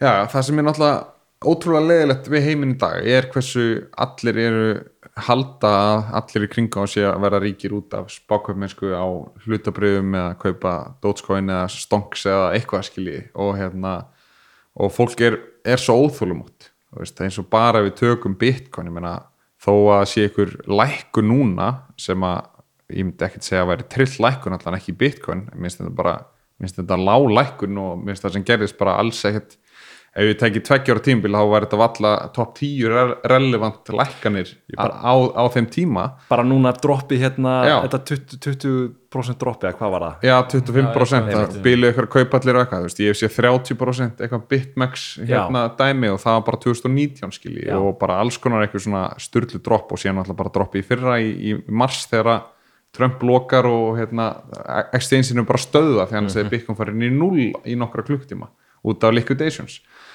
bara, en, en það hefði ekki verið verði það hefði bara verið einhverjir hefði þurft að selja í 100 dólarum skilji og síðan hefði það bánsað upp í 5 kvæðan aftur. En hérna, en þú veist það sem ég finnst svo leiðilegt í þessu er bara, það er svo margir í einhverju spákaupmennsku og bara komum kannski inn í Bitcoin, keiftu 20k, 30k, 40k eitthvað. Þau sem keiftu 40k, þau eru kannski upp 20% og eru bara, að þetta er svo hægt og ekkert að gerast þarna og þú veist, sjá bara ekki stóru myndina. Eru að, að, að spá í þessu út frá einhverjum aðlum sem er að græða tvöfalt í eða við reynum alltaf að í- hamra þessu sjónum með að hugsa byggjum sem sparnað. Þetta er, Já, já. Þetta, er, þetta er ekki fjárfesting. Þetta er sparnaður. Og Mm. þú ert að geima peningi hana til lengri ára. Þú, þú, þú, þú veist já, já, þú bara, vilt í raun og vera ekki að verði farið mikið upp skilur þú vilt já, já, þú vilt hafa tækifæri til að kaupa, Til að kaupa. akkurat og það er einmitt máli að það þarf að gerast á heilbrann hátt og yfir langan tíma og, og þannig byggjum við heilbritt þannig að komi færri 20% dropp í framtíðinni og eftir því sem að fleiri á Bitcoin þá þe- þeim mun færri 20% dropp e- geta átt í stað mm -hmm. að þetta er bara dreifðar eignarhald og ef maður tekur til dæmis aðala eins og Warren Buffett eða einhverju svona stóra aðala það bara eins og ég nefndi þannig í hlaðarpina þú komst að því upp, upp að þáttar. Warren Buffett er með 40% hérna, yearly return sem er uh, gjörsamlega, nei byrju hann 30, já, byrjunum 30-40% yearly return. On, on average, bara já, gegnum fyrir on, on average. Og hérna mögulega nær 30, ég sagði í 40 í podcastinu en það er ykkur sem er með 40% eh, í 30 ár en Warren Buffett er með sko fjör, hérna, fjör, 30% í 60 ár eða eitthvað. Nei. og hann er bara með 20 ár eða 30 ár lengur compounding á hingæjan þannig að Warren Buffett er sko 40-falt ríkari eða eitthvað svona. Hinn á bara 3 miljara þó hann sé búin að vera í 10% herri ávöxtun.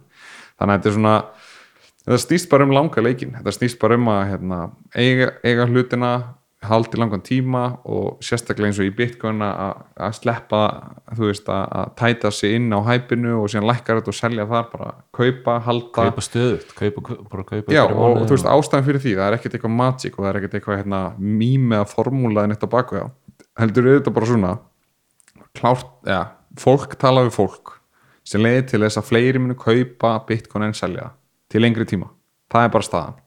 Og ef þú ert með kerfi sem er fixed supply kerfi þá ge- getur ekki annan hækka. Þetta er bara þessi, er þessi austuríska hagfræði um, um harðan pening. Að harðu peningur vinnur veikari pening yfir nóg langa tíma. Akkurat og sérstaklega í heimi það sem allt er búið til. Ég meina það er þetta búið til allt. Það er hérna tími, orka og, og bitcoin sko. það, er, það er eina sem er ekki að búið til í heiminum.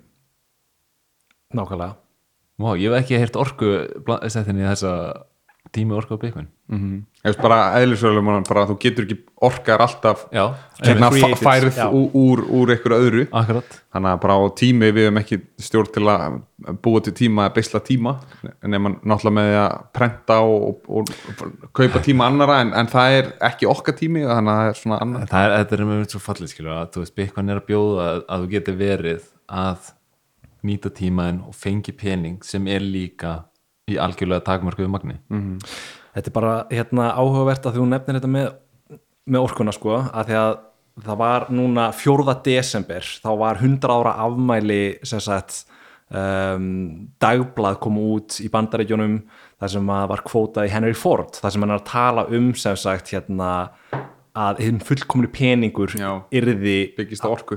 orku. Og ég bara kannski má verið lesa þetta? Að þetta er bara svo ótrúlega gott.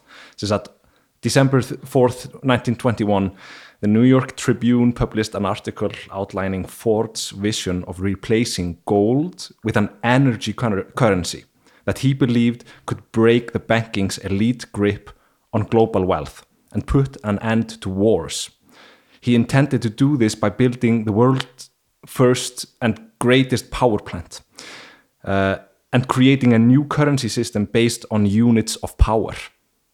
Uh, Og sem sagt, þetta er eiginlega bara un- uncanny hvað, það, hvað hann er framsýtt þarna. þetta er gæsa húð og bara mann finnst þetta magna sko og bara einn helsti eh, inventor allra tíma sem að í rauninni allt nútíma hagkjöru byggist utanum sem er bílinn allar borgir í heiminum eru meira byggðar byggðar utanum bílinn og, og hérna, bíl er eitthvað svona statustákn og allir, allar dreymir um eignast bíl. Og að þessi maður á að vera að segja þessa hluti af því að hann sér uh, valdastruktúrin hvar völdin liggja. Þau liggja í, í hagkerfinu hjá fólki sem býr til peningarna eins og, og nefnir í þessari grein.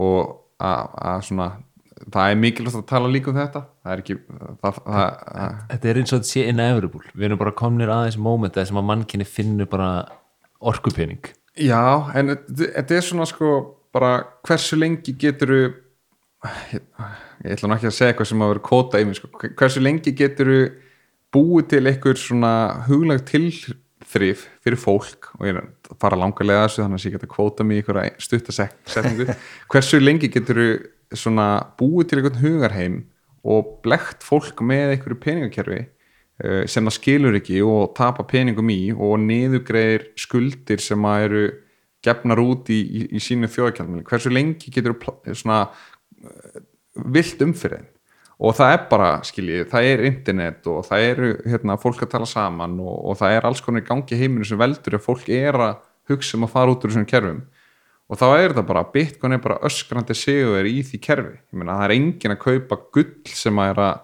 veist, og það er kannski svona næsta nærtækast að dæmi, Einmitt. til þess að svona, fara svolítið út úr þessu kerfi, sko, eða bara kaupa fristikistu og, og, og setja, setja mat í hann að, í, í, og í fristikistuna af því að matur er peningur, skiljið þetta er mjög áhugavert með gull af því að þú veist við erum á þeim tíma nú undan að gull ætti að vera neglast upp já, já, En en það það, er ekki yfirflæði yfir í bitcoin. En það yfirflæðir yfir í bitcoin og það er bara það sem er að en gera það er einmitt málið, þú veist, eigið þið gull? Nei. Nei, þú veist, ég á fysikal gull, nokkur hundru grömm ekkert eitthvað brjálaslega merkilegt en ég er bara svona meira for the meme. Ég gerði það þarna 2018 og ég er með eitt gramm alltaf, ég er með eitt gramm á mér strákar, ég er, með eitt gramm að gulli í svona einhverjum einhver plastvasa sem að ég tek alltaf upp og, og þegar fólk er eitthvað, já, af hverju þurfu bitcoin, hérna gull er bara stóra falli og þá spyr ég bara alla bara, já, áttu gull og engin gull. Og ég mestafall eiga við pappir sem er einhver ETF sem á einhverja geimslu sem á bit, nei, á hérna gull og eitthvað, þetta er bara svona það á engin raunverulega gull Nei, bara nema, nema hérna giftingarhinga og það, það er komið út úr myndformi, þá er þetta orðið skartgripur. Mhm, einmitt, akkurát þannig að hérna bitcoin einhvern veginn er það eina sem tekur í fólki og, og er svo skemmtilegt að hérna að það sé bara beint fyrir framann augun okkur og, og við höfum frjálsan aðgang enn þann dag í dag og, og vonandi áfram af, af því sko.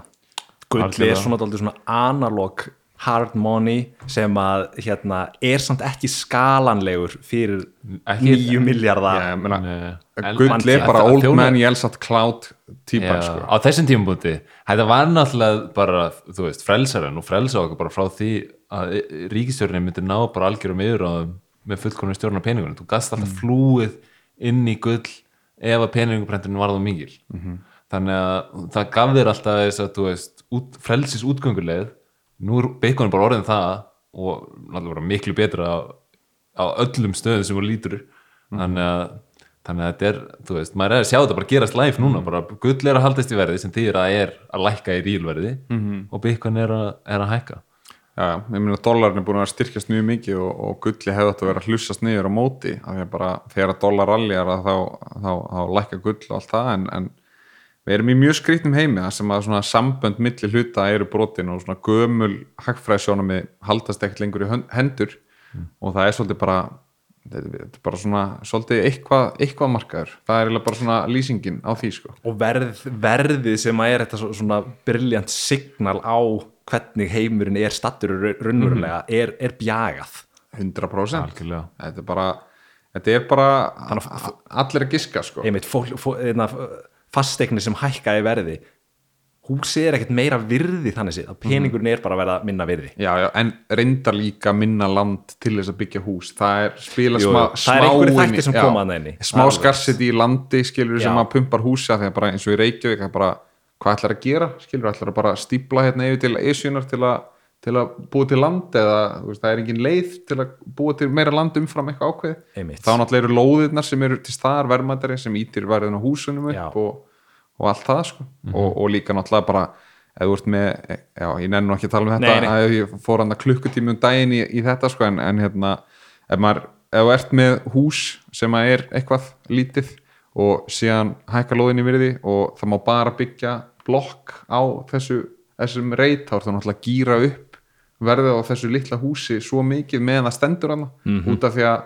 sá sem kaupir þetta straujar húsi og byggir blokk og sko 20 faldar Einmitt. skiljið virði. Þannig að það eru oft svona mörg sjónamið sem að drífa, drífa fasteignir umfram bara raunvirði eða raun þörf sko, út frá bara einhverjum pennastrikum sko hjá, hjá hinn óbyrra nákvæmlega. Um, mér langar að fara út í eitt bara svolítið svona áhugaverðan punkt sem búið að vera í mi mikið vera að tala um. Og það er það að Kerry Gensler er nýla orðin hann að formaður hjá SEC í sem bandreikunum ég hitti hérna á OECD uh, ráðstefnu 2018 og Ok, ég var vá. mjög unimpressed að því sem maður segja. En, en höldum áfram. Já, en hann og sem sagt Michael Saylor. Og eh, Michael Saylor svolítið í kjölfari eru búin að vera að tala um, um altcoins sem securities. Eða altcoins eða svona aðra myndir séu í raun og veru verbref mm. Hver er svona sín þín á, á þessi komment og svona veist, hvernig sérðu altcoin markaðin akkurat, einhvern veginn þróast með þetta svona? Einmitt bara klárlega fullt af rafmyndum sem eru klárlega bara klárlega securities. Í þyrjum ekki í þeirrium svona í mínum bókum sko en, en það er alveg að argjóða og, og hérna, taka það. Uh, bara eins, eitthvað eins og XRP til dæmis veist, það er bara, það er bara hérna, skrifstó Íslandi sem vinnur við að selja XRP skilji og hérna dömpa á mannskapin og Já, það er, já, það er alveg, það er skrifst á Íslandi sem er bara sem er bara í því og, hérna, og allt, allt gott að blessa og gott fólk sem vinnur þar og ég þe- þekki þau og allt það en, en, en bara veist, það er bara security, bara vísís fjárfest í ykkurum innviðum með future promise og, og allt það. En sko gallið við eh, þessa securities pæling og eitthvað. Þetta er, þetta er bara, þetta er web mínus 1.0 uh, hérna hugmyndafræði sko. Veist, þetta er búið til 1930 þegar einhver appelsínu sölumæður er að reyna að silla eitthvað, eitthvað fólk til að kaupa land og, og fjárfesta í appelsínu ekrunu sinni og lofar þeim uppsætti ef að það gengur vel að selja appelsínur. Og þá var, var eitthvað dómur sem að olliði að þetta er löggjöfin í dag og það er bara ekki búið að reyða þessari löggjöf síðan. Og þetta var fyrir fyrir heimstyröld skiljið, þetta er bara svona ó, ótrúlegt sko, það var alltaf búið að finna upp flugvelina þegar þessi hérna löggjöf, löggjöf kemur fram.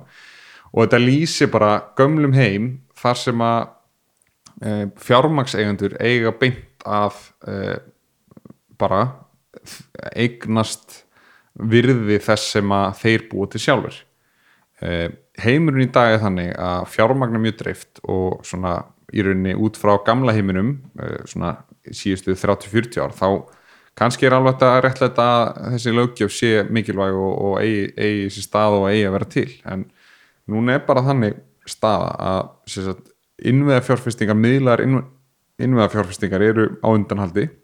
Þannig að sjá öll þessi stóru hagkjöru í heiminum í dag er að byggjast upp á dreifum innviðum eins og í Afríku það er ekki verið að leggja hérna, electricity grid að ráðmaks hérna, dreifikjöru þar, þetta er bara allt drift og við erum að sjá uh, verðmændasköpun heim, heimsins vera byggða á dreifum fórsendum þannig að svona grunnurinn á spurningunni er bara finnst mér það make a sense? Og ég segi bara nei. Eh, á sama tíma þá þurfum við að finna leið til þess að verja eh, einstaklinga.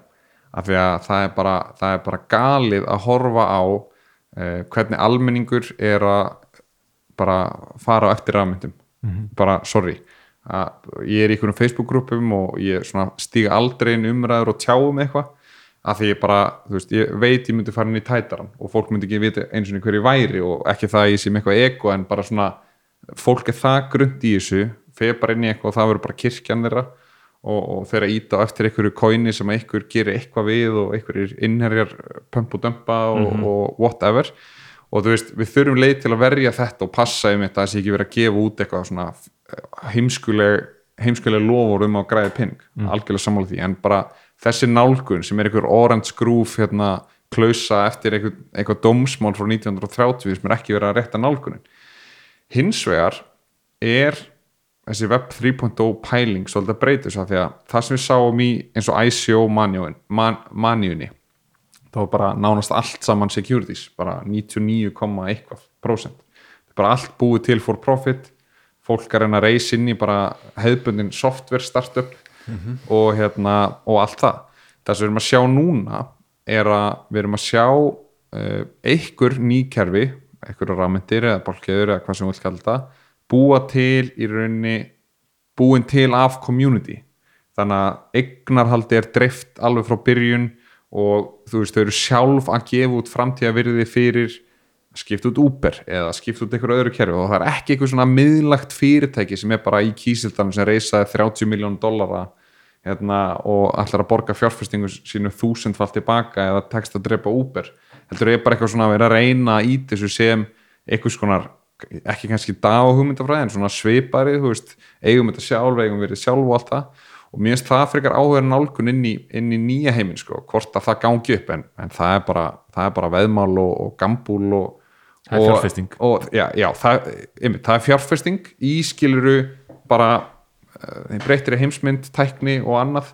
Og það er bara allt annar hattur sem þú þarfst að hafa ef þú ert að spá, spá í því versus hérna, bitcoin. Já, þetta er svolítið ótrúlega, maður tala við fólk það heyrir maður sér bitcoin og það er bara já, ég er einmitt hérna að kaupa, kaupa kryptós og þú veist það eru allir, allir einhvern veginn farin að treyta kryptós og, og, og það eru allir að tapa þó... hugmyndin að því er bara veist, það er ekki allir að fara að sérhæfi sig í því að treyta hvað þá að treyta kryptós og það er líka aðtunum en bara hinum en að flengja mannskapin Algjörlega. og hérna, bara og, hafa aðtun að því og svona mikilvægt að koma þessu skilabóðan út að þú veist, Bitcoin er algengilegu sparnaður til allra, mm -hmm. það getur mhm. allir nota Bitcoin í dag sem sparnað Einmitt. og þú veist, það er bara mjög effektífur sparnaður mm -hmm.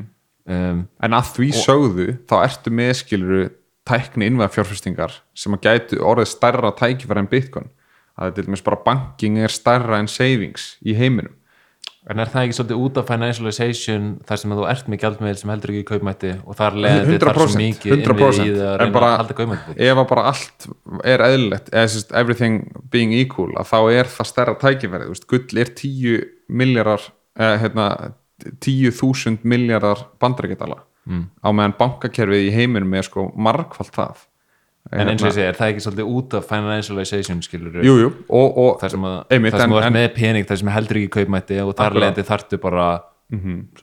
heilan skara fólki bara til að mm -hmm. reyna að halda kaupmætti fólks. Mm -hmm. En segjum að það verður bara áfram þannig. Bara það sé ekki verið að breytast og það er svona líklega að það breytist allan mjög hægt að þá ertu með bara reysa valjugraf tækifæri fyrir alls konar fyrirtæki eða dá eða rafmyndir eitthvað til þess að búa til þessa innvið, þú veist, hvort það eru bankainviðir eða, eða hvað sem er hvort er eigi að heita eitthvað ákveði eða vera með þetta virði eða þetta virði veist, þá ertu bara komin í bara, þú ert vísisjóður að reyna að kasta pílum og vonandi festa þrjár pílusir á spjaldi af tíu og restin fyrir bara hausinn. Já. og það er bara fólk sem vinnur við það í heiminum og það eru margir þannig sjóður að frá hausinn. Og einstaklingar geta ekki verið að taka þessi bett geta alveg hérna, náð þeim og, og eitthvað verður stór innviður og allt það en bara það er ómögulegt að segja sem einstaklingur. Þannig að það er ekki öruga leiðin að, að ræta eitthvað svona rafmynda rafmynda hæpi eða bitcoin hæpi eða hvað sem maður kalla þetta að, að það er að fara svolítið í þess að sigurvera sem eru, veist, bitcoin er bara flóttalegi, geimsluverumæti spartnaður og allt það. Allt annað er bara tækni, tækni innviða fjárfestingar. Veist, og, og, og oft- ní- maður sér 90 ekki oft- 90% af því er bara eitthvað rugl, skilur mig. Já, og maður sér restin af því ekki er oft- kannski maður sér ekki oft svona ástæðina fyrir tókeninu, eða þú veist, það meikar oft ekki senn, skilur Algjörlega. og virðist oft vera bara svona smá svona væpiri þar sem að þú veist en, en, en þú veist rökin og svona fyrir því að bitcoin tókeninu eru náttúrulega bara gífurlega sterk skilur, þetta er, er eitthvað sem að bókstaflega allir ættu í raun og veru að nota og, og munu Mhm. kannski á endanum. Um, en, en svona þú veist, þú ert komið með eitthvað annað þá þú það hættir að með eitthvað senslega þetta er ekki lengur peningur. Þú veist, hvað er þetta þá skilur einmitt, En- eins og til dæmis bara íð skilur eða, eða, eða, eða eitthvað svona solana eða eitthvað. Þú þegar ég var að leiða rafmyndir á þá var þetta bara, maður var með tvo hatta. Þú annars vegar bara bitcoin hattin og það var hattur sem ég reyndi að spila mest en síðan er þetta bara vaksandi tæknin við og, og það er hluti af narratífinu sem er að keira rafmyndir áfram. Og bara ég á alveg trú á því jafn mikið og ég hef trú á bitcoin. En ef að þú ert að tala um að, að, hérna, að eitthvað skiptir máli þá er alltaf bitcoin. Veist, bitcoin er, það skiptir langmestu máli. Bitcoin er frelsið, bitcoin er þú veist, hérna bara self-sovereignty og, og allt þetta sem að, sem að við deilum hérna, mjög mikið eh, okkar skoðunum á sama tíma er ég forritari og ég horfi bara á þetta sem bara, herðu, þú veist, ég er alveg þú veist, ég persónlega er með mikið edds, þú veist, var hérna á slössi í Helsingi að bara taka hendurnar á, á fólki sem stýrir sjóðum heimsins, bara Sequoia og Byfonders og bara öllum þessum geggjuð sjóðum. Þannig að ég hef alveg mikið insight og, og bara vi, margir vini mínir eru bara að búa til einhver fyrirtæki út í heimi sem eru bara að gera eitthvað styrla í þessu og, og þú veist, ég sé það ekkert minga og, og það er svona spennan á meðan er hérna, bitcoin hérna, lestin sem að stoppar aldrei og gengur en hún er bara, þú veist, jamt og þétt að íta sér áfram. Mm. og endar á því að einmitt að vera þetta, þessi mikilvæga flotta leið og, og svona baráttu aflið gegn, gegn öllu hinu, þannig að þetta er bara veist, þetta eru tveir hattar, veist, annars er þetta bitcoin og hins er þetta allt annað. Já, já, það er svolítið hann og það er oft verið að mixa þessu í sama já. og maður er bara svona það er alls ekki það sama af því að annars er þetta með peningabildingu bara sem er, byll, sem er að bylta peningakerfun okkar og sem virðist vera stærsta vandamál samfélags okkar í dag Mm. hins vegar ertu bara með byltingu sem ég er svona ekki endanda í dag sé svona þú veist tilgangin endla með maður Mm. þekkir ekki sem að þú veist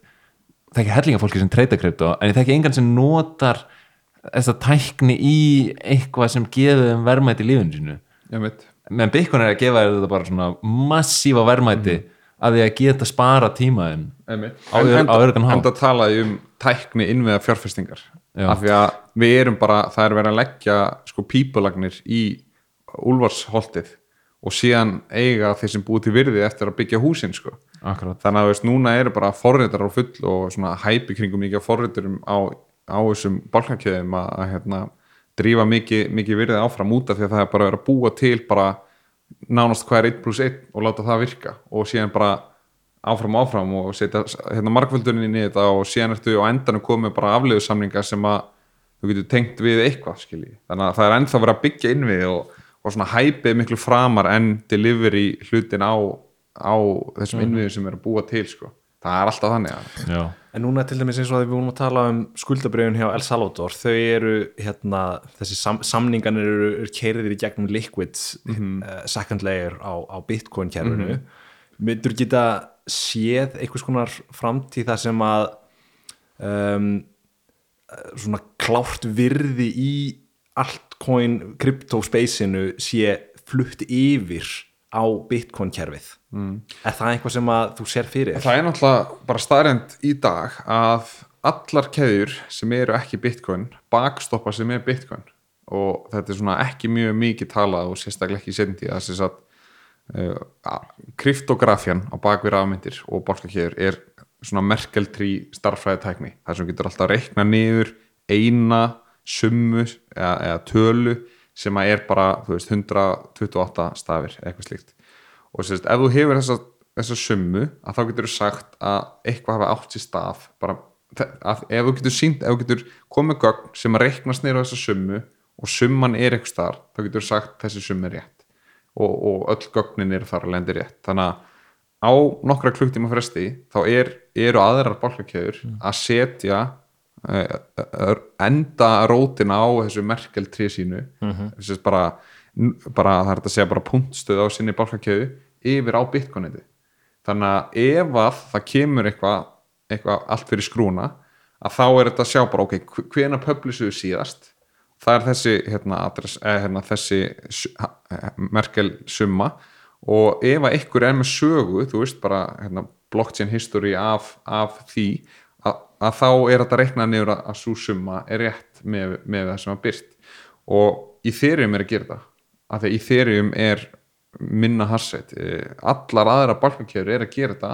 Baktryggja sig á bitcoin, þannig að ef bitcoin var ekki til þá væru margar þessu balkankjöðum bara miklu meira að vera ráðastafar og það er bara staðrind út af því að það er ekki eftir öryggar og bitcoin, veist, bitcoin er svona bakstoppar í öllu kerfinu og margir gleymaði bara já hérna í þeirrim er að fara proof, proof of stake og hérna þetta er að gera þetta og hitt. En, en síðan er þetta bara þau munu halda áfram að publisa merkeldri róta niðurstöðunni yfir og bitcoin á nokkru tíma fresti að þegar er eitthvað fokast þá þarf að vera konsensus um hvar við ætlum að byrja frá grunni eða sérst hvert við ætlum að spóla tilbaka mm, um. og það er bara, þá ferður bara í hérna, upplöfasta kerfi sem aldrei hefur brotnað mm -hmm. og þú nota það til að tryggja það inn í framtíðina Já. En það, þú er samt bara þá að tala um svona síðasta hérna, mm -hmm. komur að segja en, en, en, þessa línu sem á þartir síðan er þetta sem þú nefnir e, e, svona L2 lausnir og, og L3 og 4 og 5 sem að munu vera til á Bitcoin Já. ég er mjög spenntið fyrir því en bara það er ótrúlega þungt að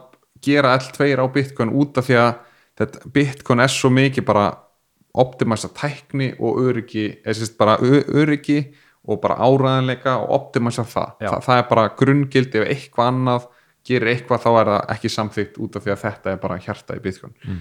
Og þú þarfst að vera bara gigabrein, bara mm. ótrúlega klári einstaklingu til þess að geta fara að búa til eitthvað L2 stöf, en þegar það kemur sérst, einhver leir ón á, á það eins og, eins og þetta, svona endilítu eða hérna, lightning network eða, eða hvað sem það er veist, þá fyrir þetta að vera miklu auðveldra mm -hmm. og þú veist, eins og í þerjum þá ertu með bara einfallt fórhundunumál, það er búið að abstrakt þetta og allt út og miklu auðveldra að gera eitthvað þar en það er enginn sem er að segja að það mun ekki endilega gerast það sama á Bitcoin það mun bara aldrei vera af, af sam, sömu eiginleikum af því að Bitcoin er ekki reyna að keppa á snjálfsamlinga grundvelli Bitcoin er bara bara búið að finna sitt sem er frelsíspartnaður og allt þetta, öryggið og allt það og ætlar aldrei að keppa við í þeirrim sem einhver snjálfsamlingaplattform Er það sant, en þú veist, þeir eru kannski með sidechain sem er að keppa við snjálfsamlinga, eða þú veist eins og liquid network. Já, já, og, og svona eitthvað svona ATB og, og hérna, timelockar og eitthvað en bara starrendin er að það verður að gera styrla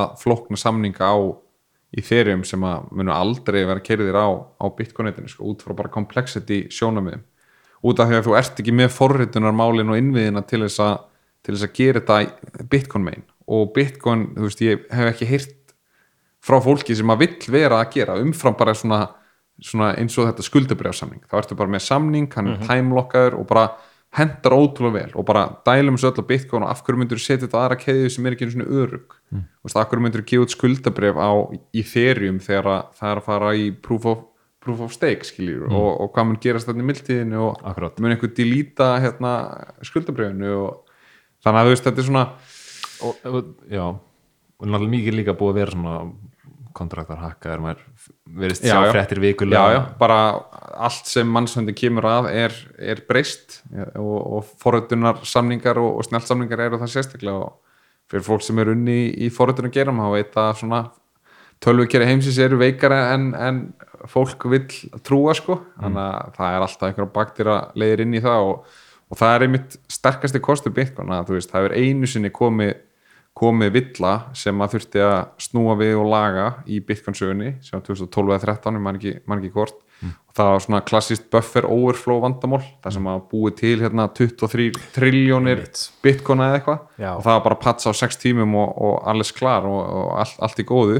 Og það var aldrei komið neitt major, var komið hérna hardforkar og bara 20% af communityinu vil búið til Bitcoin kass og bara sko átökin sem á að vera í Bitcoin eru ævintirleg og magnað, sko. vimbúl og þú veist, allt þetta rust allt þetta rust sem hefur komið. R.I.P. til þér já og hérna þetta þú veist, Bitcoin er Bitcoin út af sögunni með, skilji, með þarna dæmi það sem hún nefndir að, að hægt að búa til endalust af, af Bitcoin.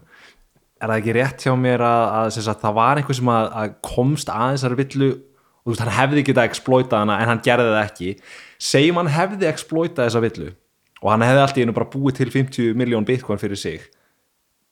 Næ, í næsta bálka sem hefði verið búin til þá hefði náttúrulega alla nóðunar allir þáttakættur í kerfinu komast að því að allt í einu er, er hérna uh, kappið ekki orðið er ekki 21 nema miljón hann hefur heldur. borga 51% fyrir að þeia eða þú veist, það Já, er konsensuskerfi eru breysk en, en í þessu tilvíki þá var þetta svona buffer overflow þannig að bara einn ein fjöldi af bitcoin sem hann gæti búið til af því það var einhver summa sem að sprengdi forrutunafall sem, að, sem að var hérna í, í bitcoin þannig að það eruðu til bara einhverja skriljón biljón bitcoin og hérna og það náttúrulega meika engan sens og, og, og komst upp og, og var lagað sko. þannig að það er bara bitcoin er ótrúlega stert og stendur og langsterkasta svona konsensus grunninum er þetta varðar bæði developerar, fúlstaknóður mænirar er mjög svona mikið að tala saman og, og sammála. Hvað skal gera? Og það er engin svona stór átök framundan eins og þú veist í þyrjum 2.0 að fara yfir og brenna hluta af hérna fólkinu sem er búið að vera að mæna og þú veist, það er ekkert svona öll átökin, það er svolítið búið að þrýfa þau út en, en á sama tíma náttúrulega, ég meina að verða svaka átök þegar að þegar að ef að í þyrjum heldur þessum takti áfram og fer að nálgast marketkapi á Bitcoin. Ég meina það, það verður vesen í narrativ fyrir Bitcoin ef, ef, ef að það gerist skilji en, en það er ekkert árás á Bitcoin eða spartnaðinu fólki þú veist, öll argumentin eru valið það er enginn að reyna að tækla Bitcoin sem Bitcoin þú veist, þannig að maður bara skilur ekki alveg hver tilgangur með svona Ethereum tókuninu er kannski. Til að borga fyrir access að stærstu dreifðu tölvu í heiminum það er bara, það er bara þannig. Og vissulega er mikið hæp og eitthvað í gangi og, og hérna það er alltaf að deilum hvað verði á að vera. En, en í mínum huga sem forritari þá, þá hefur svo tölva einhvers virði í einhverjum huga er það ein króna en í, í hugum heimsins í dag er það 250 miljardar dollara eitthvað. Þannig að þú veist, það er svolítið bara svona út frá einhverjum tækni sjónumöðum og snell, snellsamningum og eitthvað banking og finance og eitthvað þá, ég meina, það þarf ekkert að vera gali valuation og í þeirrum endilega sko í sínu narratíu en ef þetta er svona utility token ætti, þú veist, ætti ekki verðið tennilega bara að fara lækandi ef þetta er náttúrulega utility token en það er verið að breyta mjög miklu þarna, það er verið að hérna, breytum algoritma til þess að dreifingin og í þeirrim er að hægjast á það er verið að hægja á nýmyndun í, í, í þeirrim, Já. útgáðan er, er að fara niður. Já, það, er komið börn hérna, strategy inn þó að geti tekið mörg ár fyrir þetta að njútralast út og allt það.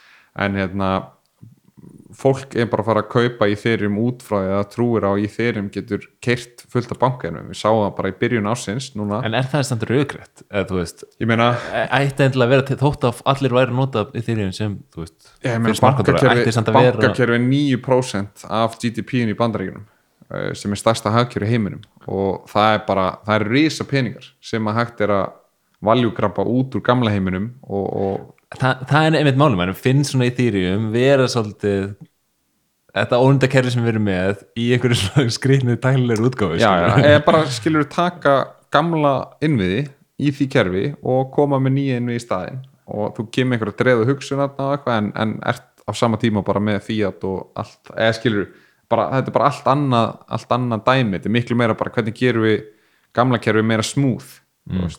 bara svona aðeins að gera það meira smúð komið forrætanlega verðmæti, getur gert flokknar hluti og ef maður spólar þú veist nokkur 2-3 tækni stökk í, í viðbóti hausnum í, í þeirrium eða, einhverjum af þessum pælingum sem eru þar að þá sér maður alveg fram á að þú veist, það er já, engin að segja mér eftir 10 ár sé ég fara hérna, taka húsnæðislán og, og ég þarf að fara með pappir á fimm staði, þú veist, það er engin að segja mér það Nei. Þú veist, það mun, það mun eitthvað bálkakefi vera þar sama þó hún sé hérna einhver tækni sem er hýst af Advania í, í reiknustofu bankanaskíinu skilji, eða einhver í Ethereum eða Solana eða insert random blockchain hér hérna, mál. Veist, það er bara svona það sem ég sé og, og mér finnst það alls ekki draga úr Bitcoin-narratin, mér finnst það bara styrkja af því að það mun onboarda miklu fleiri inn í, þú veist, bara rafmyndir og þá fyrir að skoða bara, já, rafmyndir eru snild eða sérst, bálkakerur eru snild. Og síðan er þetta bara, herðu, hérna eru með bara Bitcoin og það, þá getur gemt verðmætti og þú veist, þetta er Mér finnst þetta einmitt svolítið drjú eða þú veist, mér finnst svolítið umræðan vera vilt á þessu skilur að, að fólk er að halda að krypto sé þetta heila, heila space og ég seti þetta algjörlega í tvær fötur sko. ekki að gera sér grein fyrir endilega Bitcoin er bara nýtt peningakerfi. Það er byltingin. Bálkakeður eiga ennþá eftir að sanna sig sem eitthvað gott nótagildi akkurat, og, og en ég meina mím er notagildi, veist NFT er notagildi og, og þú veist allt það, eh, en síðan er bara spurningin, er þetta er virðið á því rétt, veist þetta er bara sama eins og með hérna, fólk sem mann trúir ekki á, á Bitcoin, það segir eh, er mæning hérna rétt, skilur mig? Og meðan við segjum já, það hefur eitthvað verið að það eitthvað notið það, ég meina mím hafa virði og NFT hafa virði og einhverju snjálfsamlingar hafa virði en fólk getur verið ósamal um hvað virði það hefur. Og núna erum við bara í speculation fasa þannig að allt hefur einhvern veginn miklu meira virði en ætti út frá adoption og eitthvað. Þannig að það er bara, það er bara svo það er. Og við munum lifa og hrærast í, í þessum heimi og, og bara sjá hvað gerist. Og í mínum heimi er þetta ekkert eitthvað minnst þetta ekki vera eitthvað samkeppnismál þú veist, milli Bitcoin versus hit sko. Og minnst það svona oft leiðilegt af því að við erum öll að reyna að byggja þetta og, og með þess að núna er komið eitthvað Ethereum versus Solana og Ethereum versus annað og þú veist, þetta er bara svona það er alltaf svo mikil átök sko af því að fólk er svo personally invested og vill Já. Þú veist, þegar maður sér panela hjá Venture Capital eða Vísis fjárfestum eins og heitir á íslensku eh, þú er kannski með bara flottustu fjóra sjóði heimsins og þeir eru upp á svið að tala um future of finance í einhverjum svona bálkakeðu skilningi það er engin sammála þarna samt eru allir sammála en það er engin sammála út af því að þessi bakkaði Solana, þessi bakkaði Avax þessi bakkaði Ethereum. Og þeir eru bara með sinn hest í leiknum og get ekki Nefnilega. tala argumentinu hinum upp af því þetta er bara svo fragmenta þannig að það er bara þannig og, og maður sér einhvern veginn, þú veist, Ethereum kemur inn um, og svona riskar decentralization fyrir herra þrúbút og, og svona meiri virkni í mm smart contract þá er einhvern veginn svo, þú veist, fyndið að sem kemur bara einhver annar sem að sem er tilbúin að, veist, taka ennþá minna vera ennþá minna decentralized og bjóða upp á ennþá meiri virkni. Og þú veist, þetta er bara svona virðist ganga að því bara að mest efficient kerfinu skilur Einmitt. í staðin fyrir mest decentralized. Og þetta finnst mjög svona út frá að vera tækni eh, einstaklingur finnst mér þetta að vera geggja því að ég er ekkert búin að afskrifa það að vera fundin upp konsensusmekanismi eh, sem virki sko. Veist, ég er ekkert búin að setja bara já við komumst til tungsins og við þurfum ekki að, að, fara lengra sko. Svo proof of work er eini konsensusmekanismin sem virkar á skala á dreiðanhátt í heiminum í dag. Það er engin annar mekanismi sem make a sense. Í þeirri með bara tilrun þetta er bara game theory hérna, konsensus, eða ekki tilrun bara konsensusmódeli í, í Ethereum byggir á leikjafræði, alveg eins og í rauninni Bitcoin líka. Bitcoin byggir bara á leikjafræði að það er 51% að vera heiðalegt og bla bla bla bla. Það er bara leikjafræði sem virka á skala.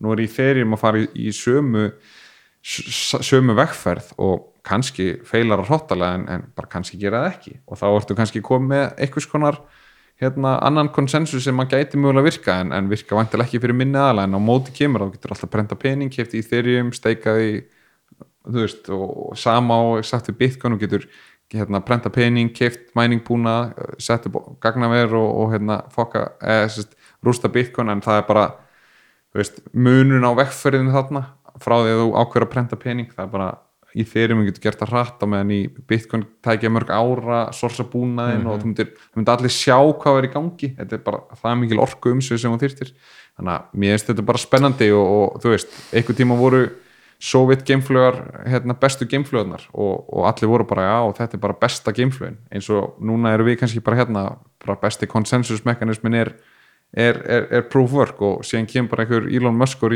kemur reusable model sem byggir ekki einu svona teikningunum og það bara allt í hennu gengur og allir held að gengi ekki þangu til að gekk í fyrsta skipti og þannig að ég er svona að horfa í þeirrum og ég bara þetta er bara tilrun og bara það kemur bara ljós og ég, ég ætla ekki að reyna að dæma áður en það gerist sko. Nei, mann finnst bara svona, þú veist það er, mann finnst svona verði ekki alveg verið reflekta þar sem maður sér við erum verið bara í gangi. hæpi Já, við erum svolítið í hæpi veist, það, er það bara, virðist svolítið vera að það er bara þannig. Það þýðir ekki að nálgast þetta út frá verðum. Veist, ég horfi aldrei á verð þegar ég er að skoða þetta. Veist, mér er sama hvað hluti einmitt, kosta en ef maður sér svona innan í þýrjum þá er, virðist þetta vera mjög mikið svona clusterfuck skilur já, já, ég veist 90% af transaktionum í bálkakjöð heimi sem hafa virði umfram það sem er að gerast á Bitcoin er að gerast á Ethereum þannig að það er eðlilegt að Ethereum sem er 90 plus prósent virði utan Bitcoin sem það er ekki. Þannig að það er meira að segja að að að Ethereum sé undirvælagt út frá þeim sjónumið Já. og það var alveg klári aðeins stíði fram hérna, þrýjarós kapital hérna, sjú sjú eða hvað hvað hann kalla sig þarna. Að þú veist, hann er alveg sagt að Ethereum sé massífli undervalued og það er að vera helmingurinn að virði Bitcoin á hverjum einasta tímapunkti með aðstæðan sem það eru í dag.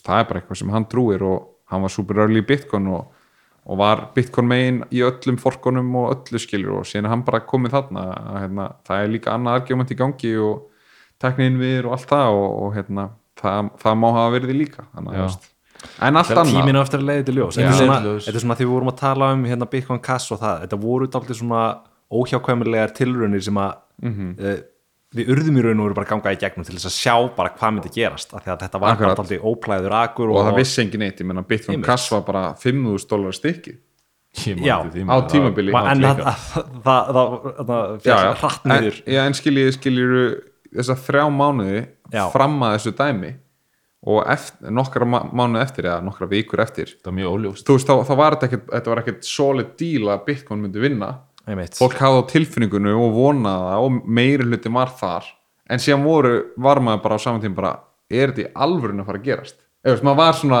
ma maður, var ekki, maður var ekki bara Bitcoin er 100% heldur, þetta bara gerðist og í dag bara, þetta væri ekki hægt í dag skilur, bara Bitcoin er orðið það mikið Bitcoin og Michael Saylor og aðalega segja bara, þú veist, Bitcoin þarf að vera Bitcoin og Já. þú veist, það er svolítið skólin í, í þessum heimi Þannig Einmitt. Að því að við vorum að tala um veist, þessi næstu tíu ár. Ég held að þetta einmitt sé óhjákvæmilegt með það sem er í gangi með eh, svona þetta svona creative force sem er í gangi altcoin megin í þessu skiluru þú veist, ég er persónulega bit, bitcoin maximalisti en, en ég hef skilning fyrir því að þessar tilraunir þurfa að vera gerðar. Uh, tíminn á eftir að leiða þetta ljós á næstu tíu árum og örgulega skemur en það með, með 99,9% af öllum þeim verkefni sem eru til í dag en einmitt bara að því að þessi umræða um sko peningavæðingu um, þessara tokens versus bitcoin það, það er held ég okkur öllum ljóst að, að það er gríðarlega mikil munur á bitcoin og svo öllu öðru þannig að það er bara 100%. óslega gott að geta það, tala um það er bara sko. eitt bitcoin og Já. það er bara, þú veist, það eru flest allir sammála því og, en síðan er bara, það er bara eitt í þeirrum líka en það er bara annað use case. Það er bara annað dót, bara, en þú ættir ekkert að nota það fyrir sparna þetta er bara, ættir, þetta er bara bíl og skip, skilur þú myndir aldrei keira á, á þurru landi á skipinu þú myndir aldrei sigla út og sjó á, á, á, bílninu og fyrirtæki, þú veist, eins og MicroStrategy er búið að vera að gera um Bitcoin það er enginn að fara að kaupa Ethereum til að setja það á balance sheetið sitt, skilur þetta er bara Jú, token sem þú notar þegar þú þarft að nota ég einhver hef, smart contract. ég hef mjög mikla trú á því að, að fólk muni hlussa inn á balansíti og miklu meira en við höldum uh, af Ethereum, á, í þeirrum án þess að hafa not fyrir það í smart contract. Já, út af því að þau eru bara long business activity og long uh, drepa bankakerfið uh, með bankakerfið innviðum sko. þannig þú ert að horfa að Ethereum getur verið store of value? Sko og er, og er þar leint að keppa beint við Bitcoin store- í of value stór, ég segi ekki of value en kannski svona proxy inn í að longa það að bankakerfið sé ónýtt en er að, það ekki bara að kaupa Bitcoin? nei, að því að Bitcoin er ekki business activity á bankakerfin hvað við? út af sn- snjallsamningar er ekki kerðir á Bitcoin skilur, sem er að búa til value sem að mun skipta út tryggingainum og öllu þessu dóti sem að er í bankjörinu 170 þjónustulíðir, þeir mun ekki vera kerðir á, á Bitcoin þó svo að veist, peningurinn og storageið og allt það hafa verið geimt á Bitcoin þá er hitt ennþá með virði sjálfur sér út frá að vera bara tækni sem er betri og mun soga virði úr gamla heimnum yfir í nýja heim það er allan svona eins og ég sé þetta sko. Já. En það er, það, sem sagt, liquid er ekki eitthvað sem að er, eða önnur svona second layer, third layer laust sem að mögulega ekki ennþá búin að búa til skilur þú varst að útskýra ef- ítalega á þann að þú heldur að þetta sé þunglamalegt kerfi til þess að vera að keira þannig Mhm. lausnir á. Af því það er, við viljum hafa þannig til þess að hafa meira öryggi og það En- er bara svona design, en það design er fyrsta, það er fyrsti leirinn skilur Mhm. þú ert búin að búa til síðan uh, eins og þú veist, var það ekki bara með Se- Segwit hérna sem að gerði Mhm. Liquid og Lightning uh, möguleg, mögulegt að vera keirt skilur akkurat þannig að þú getur tæknilega séð haldið áfram og búið til fleiri lausnir. 100% en þú getur ekki allan eins og með það sem ég veit og það gæti verið komið, það gæti komið setna og ég ætla ekkert að afskrifa það og bara ef að það gerist þá er það bara geggja fyrir heiminn og við getum nýtt það umfram einhverju aðrar random bálkakjöður -hmm. en þú veist þetta er bara eitthvað dót sem að er ekki hægt að keira með við hvernig er verið að keira hluti á til dæmis í þeirjum eða Solana, svo það sé nefnt líka mm -hmm. í þessu samengi, að bara þú getur ekki keirt þetta business activity og þá er ekki að tala um transaktsjónum frá A til B og, og hérna, hver færi til mesta pening og dag og eitthvað þannig heldur bara svona snjálfsamlinga veist, ef að ég er að fara til að kaupa hús þá þarf lán, lánveitandinn að gefa góða síslumann þarf að segja ég í húsi ég þarf að segja ég vilji kaupa húsi mm -hmm. þú veist, þetta er snjálfsamlingur sem að mun vera til í framtíðinni hvort sem að við erum long short bankakerfi, hvort sem við erum long short Ethereum, Bitcoin, whatever að bara þetta mun vera keirt á bálkakjöfum, ég er bara komið þangað og ég er bara að tala mjög aggressíft þar. Þannig að ég hu- hugsa bara ok hérna, þetta mun þurfa að eiga sér stað af því að ég hef keipt mér hús og ég hata það út af þessum langa, það tók þrjá mánuði að koma þessu öllu ferli gegn veist, þetta mun vera keirt á eitthvað svona bálkakjöði og þú veist, lægi undir Bitcoin er líka bálkakjöði, það er að gera timelocka og, og alls konar þar líka. Þannig að þú veist, ég sé bara ekki hvernig þetta mun ekki vera keirt á bálkakjöði og þá hugsa ég, ok ef að allt það virði sem að er fólki sem er að vinna með þetta í böngunum og allt það er ekki að fara að gera þetta þá hlýtur það virði að færast að einhverju leiti eða nánast öllu leiti yfir í það kerfi sem að keiri hennar snjálfsamning og ef að það er í ferju með Solana eða insert random bálkakæða hér eftir fimm ár þá er svo bálkakæða að fara að hafa gífulegt virði sem er hlýtur að vera á pari við það, það sem tapaðist í bankjörnu og mögulega meira að þú getur decentralized virðinu umfram það sem að bankin getur lista okkur kaupöld mm. þannig að það er bara sem ég horfa á. Ef við getum gert það með Bitcoin þá er ég all for it en bara það er ekkert og ég les mjög mikið. Það er ekkert sem ég séð layer 2 eða eitthvað attempt on og lightning network er neitt sem getur keirt þetta virði af því að það, við viljum ekkert endilega gera það veist, í Bitcoin megin En af hverju myndur vilja gera það eins og með Ethereum skilur, af því að þetta virðist vera svo brotætt dæmi allt hjá þeim skilur, bara, bara sem dæmi þú veist eins og hvernig Ethereum er gefið út Já, er síbreytilegt og þú veist, og eða hvernig bara svona þeir eru algjörlega Mhm. Færa konsensus mekanisman sem, þú veist, úr þessum Ethereum 1 í 2 einmitt. Þú veist, það er ekkert stable þarna skilur, Einmitt. er virkilega að treysta á þetta fyrir að vera Akkurat. bara en þetta er bara þeirrim er bara javascript internetsins veist, það er ókýrslega mikið kvörk sanna þetta er ekki besta tólið í, í lausnina en meiri hlutin af forritarum heimsins forritar javascript. Þú veist, hvað ætlar að gera? Þá bara notar þú javascript skilur mig og bara leysir kvörkana og vinnur í þeim veist, í þeirrim er á þeim stað núna og ástæðan fyrir að tala um aðra bólkjöður er að bara í þeirrim er miklu líklegri stöð að vera að disrupta heldur nokkuð tíma Bitcoin út af því að það getur komið svo mikið að tækni sem að disruptar í þeirjum út frá tæknilega sjónumum á meðan það er ekkert sem ég sé sem getur disrupta Bitcoin út frá monetary sjónumum skiljið já, ég, Já. Ég, já, nákvæmlega. Þannig að þú veist, það, það, það er mjög erfitt að þú, veist, þú getur ekki longa í þeirjum bara to infinity út af því að það gæti bara, Solana gæti flippa í þeirjum út af því að það gæti verið hraðarinnviðir eða fleiri snjálfsamlingategundir eða eitthvað. En það er samt alltaf virðið sem mun vera til og ef þú tekur bara rafmyndir í heilsinni sem einhvers konar eignar marka, þá mun alltaf vera meira og meira virði á hliðinni sem er að geta bankakerfið heldur en hinum eins og, og hérna, en svo er náttúrulega speculationi með hvernig við erum að treyta tókinin en þannig að Já, bara svo, það er svo náttúrulega bara skil- vitt- það er bara vitleisa, ég veit það, en bara Já. svo ef, ef ég skilir rétt að þú nefndir sko að þú sérð fyrir þér að fyrirtæki eiga eftir að Mhm. vilja stakka í þeirjum til þess að í raun og veru bara svona tryggja sig til þá til framtíðar. Já, og bara, þú veist, ef þú myndir longa skilur, þú veist, hva- hvað ætlar að gera þú trúið því að bankakerfið eh, muni minka sína þjónustu innviði og framtíðin sín dreif já, þú veist, þú, það fer enginn í dag að shorta banka, af því bankar eru að prenta peninga og þeir eru að hérna, svona í gegnum seðlabanka, þú veist, þeir lána markfalt á innlánin sín og allt þeir eru það. með prentunar leifi já, þeir eru með einogunustu á þessu þú shortar ekki eitthvað sem er þar, skilur mig þannig að til þess að, þú veist, fara short bankakerfið, þá ertu að longa eitthvað eins og í þeirri já, það, eða, já. það, það er keisi, skilur, Já, já. bara Já. með hnignandi kerfinu sem er bankakerfi Mhm. þá flist valju yfir í þeirrum núna kannski eitthvað annað í framtíðinni, kannski deyri í þeirrum kannski yfir að gegja, veit ekki bankakerfin hnignar og einhvers konar bálkakeið innvir uh, rísa og það er bara svona fu- fundamental tech trend uh, trait það hefur ekkert að gera með ég að verja mig eitthvað störbolgu eða neitt, þetta er bara svona ég að reyna að kaupa early zoom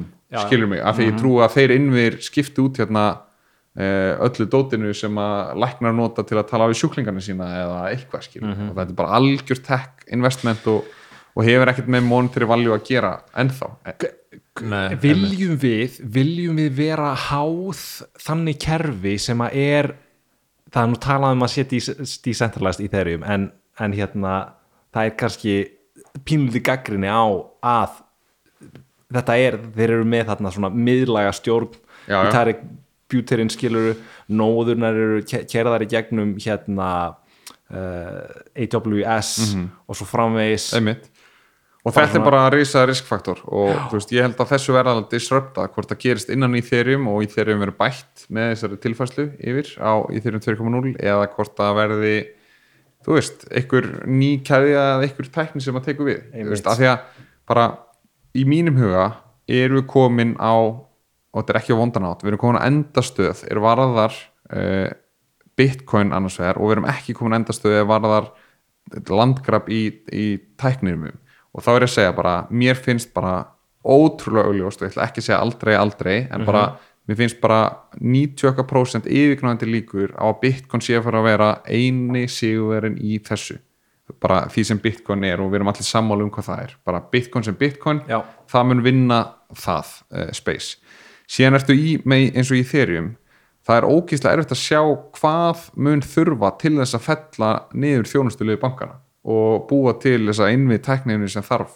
Þannig að bara það er ógíslega mikið risk þeim megin að átt að sjá hvað verður ofan af því það er bara allir ennþá að- inventa og, og þar ríkir bara nýjasta uppfinningin er best. Að þú ert ekki með eitthvað svona eitt kerfi, eða peningakerfi þá leita þau í einn ein hlut og þú veist, þú ert með alls konar svona hagfræðileg sjónamið sem að gera verkum að allir vilja vera í sömu myndinni eða sama geimsluvermætinu, þú ert ekkert með það í hinum, heldur ertu meira með bara svona þú veist, e, bara besta tækni vinnur. Mm. og það bara poppar eitthvað tækni upp og kemur eitthvað með white paper að eitthvað tækni og, og hún bara drepur í þeirjum það er bara, það er bara geti gerst. Og ég sé ekki hvernig eitthvað geti sannfært um að það myndi ekki gerast. Þannig að þú veist, það er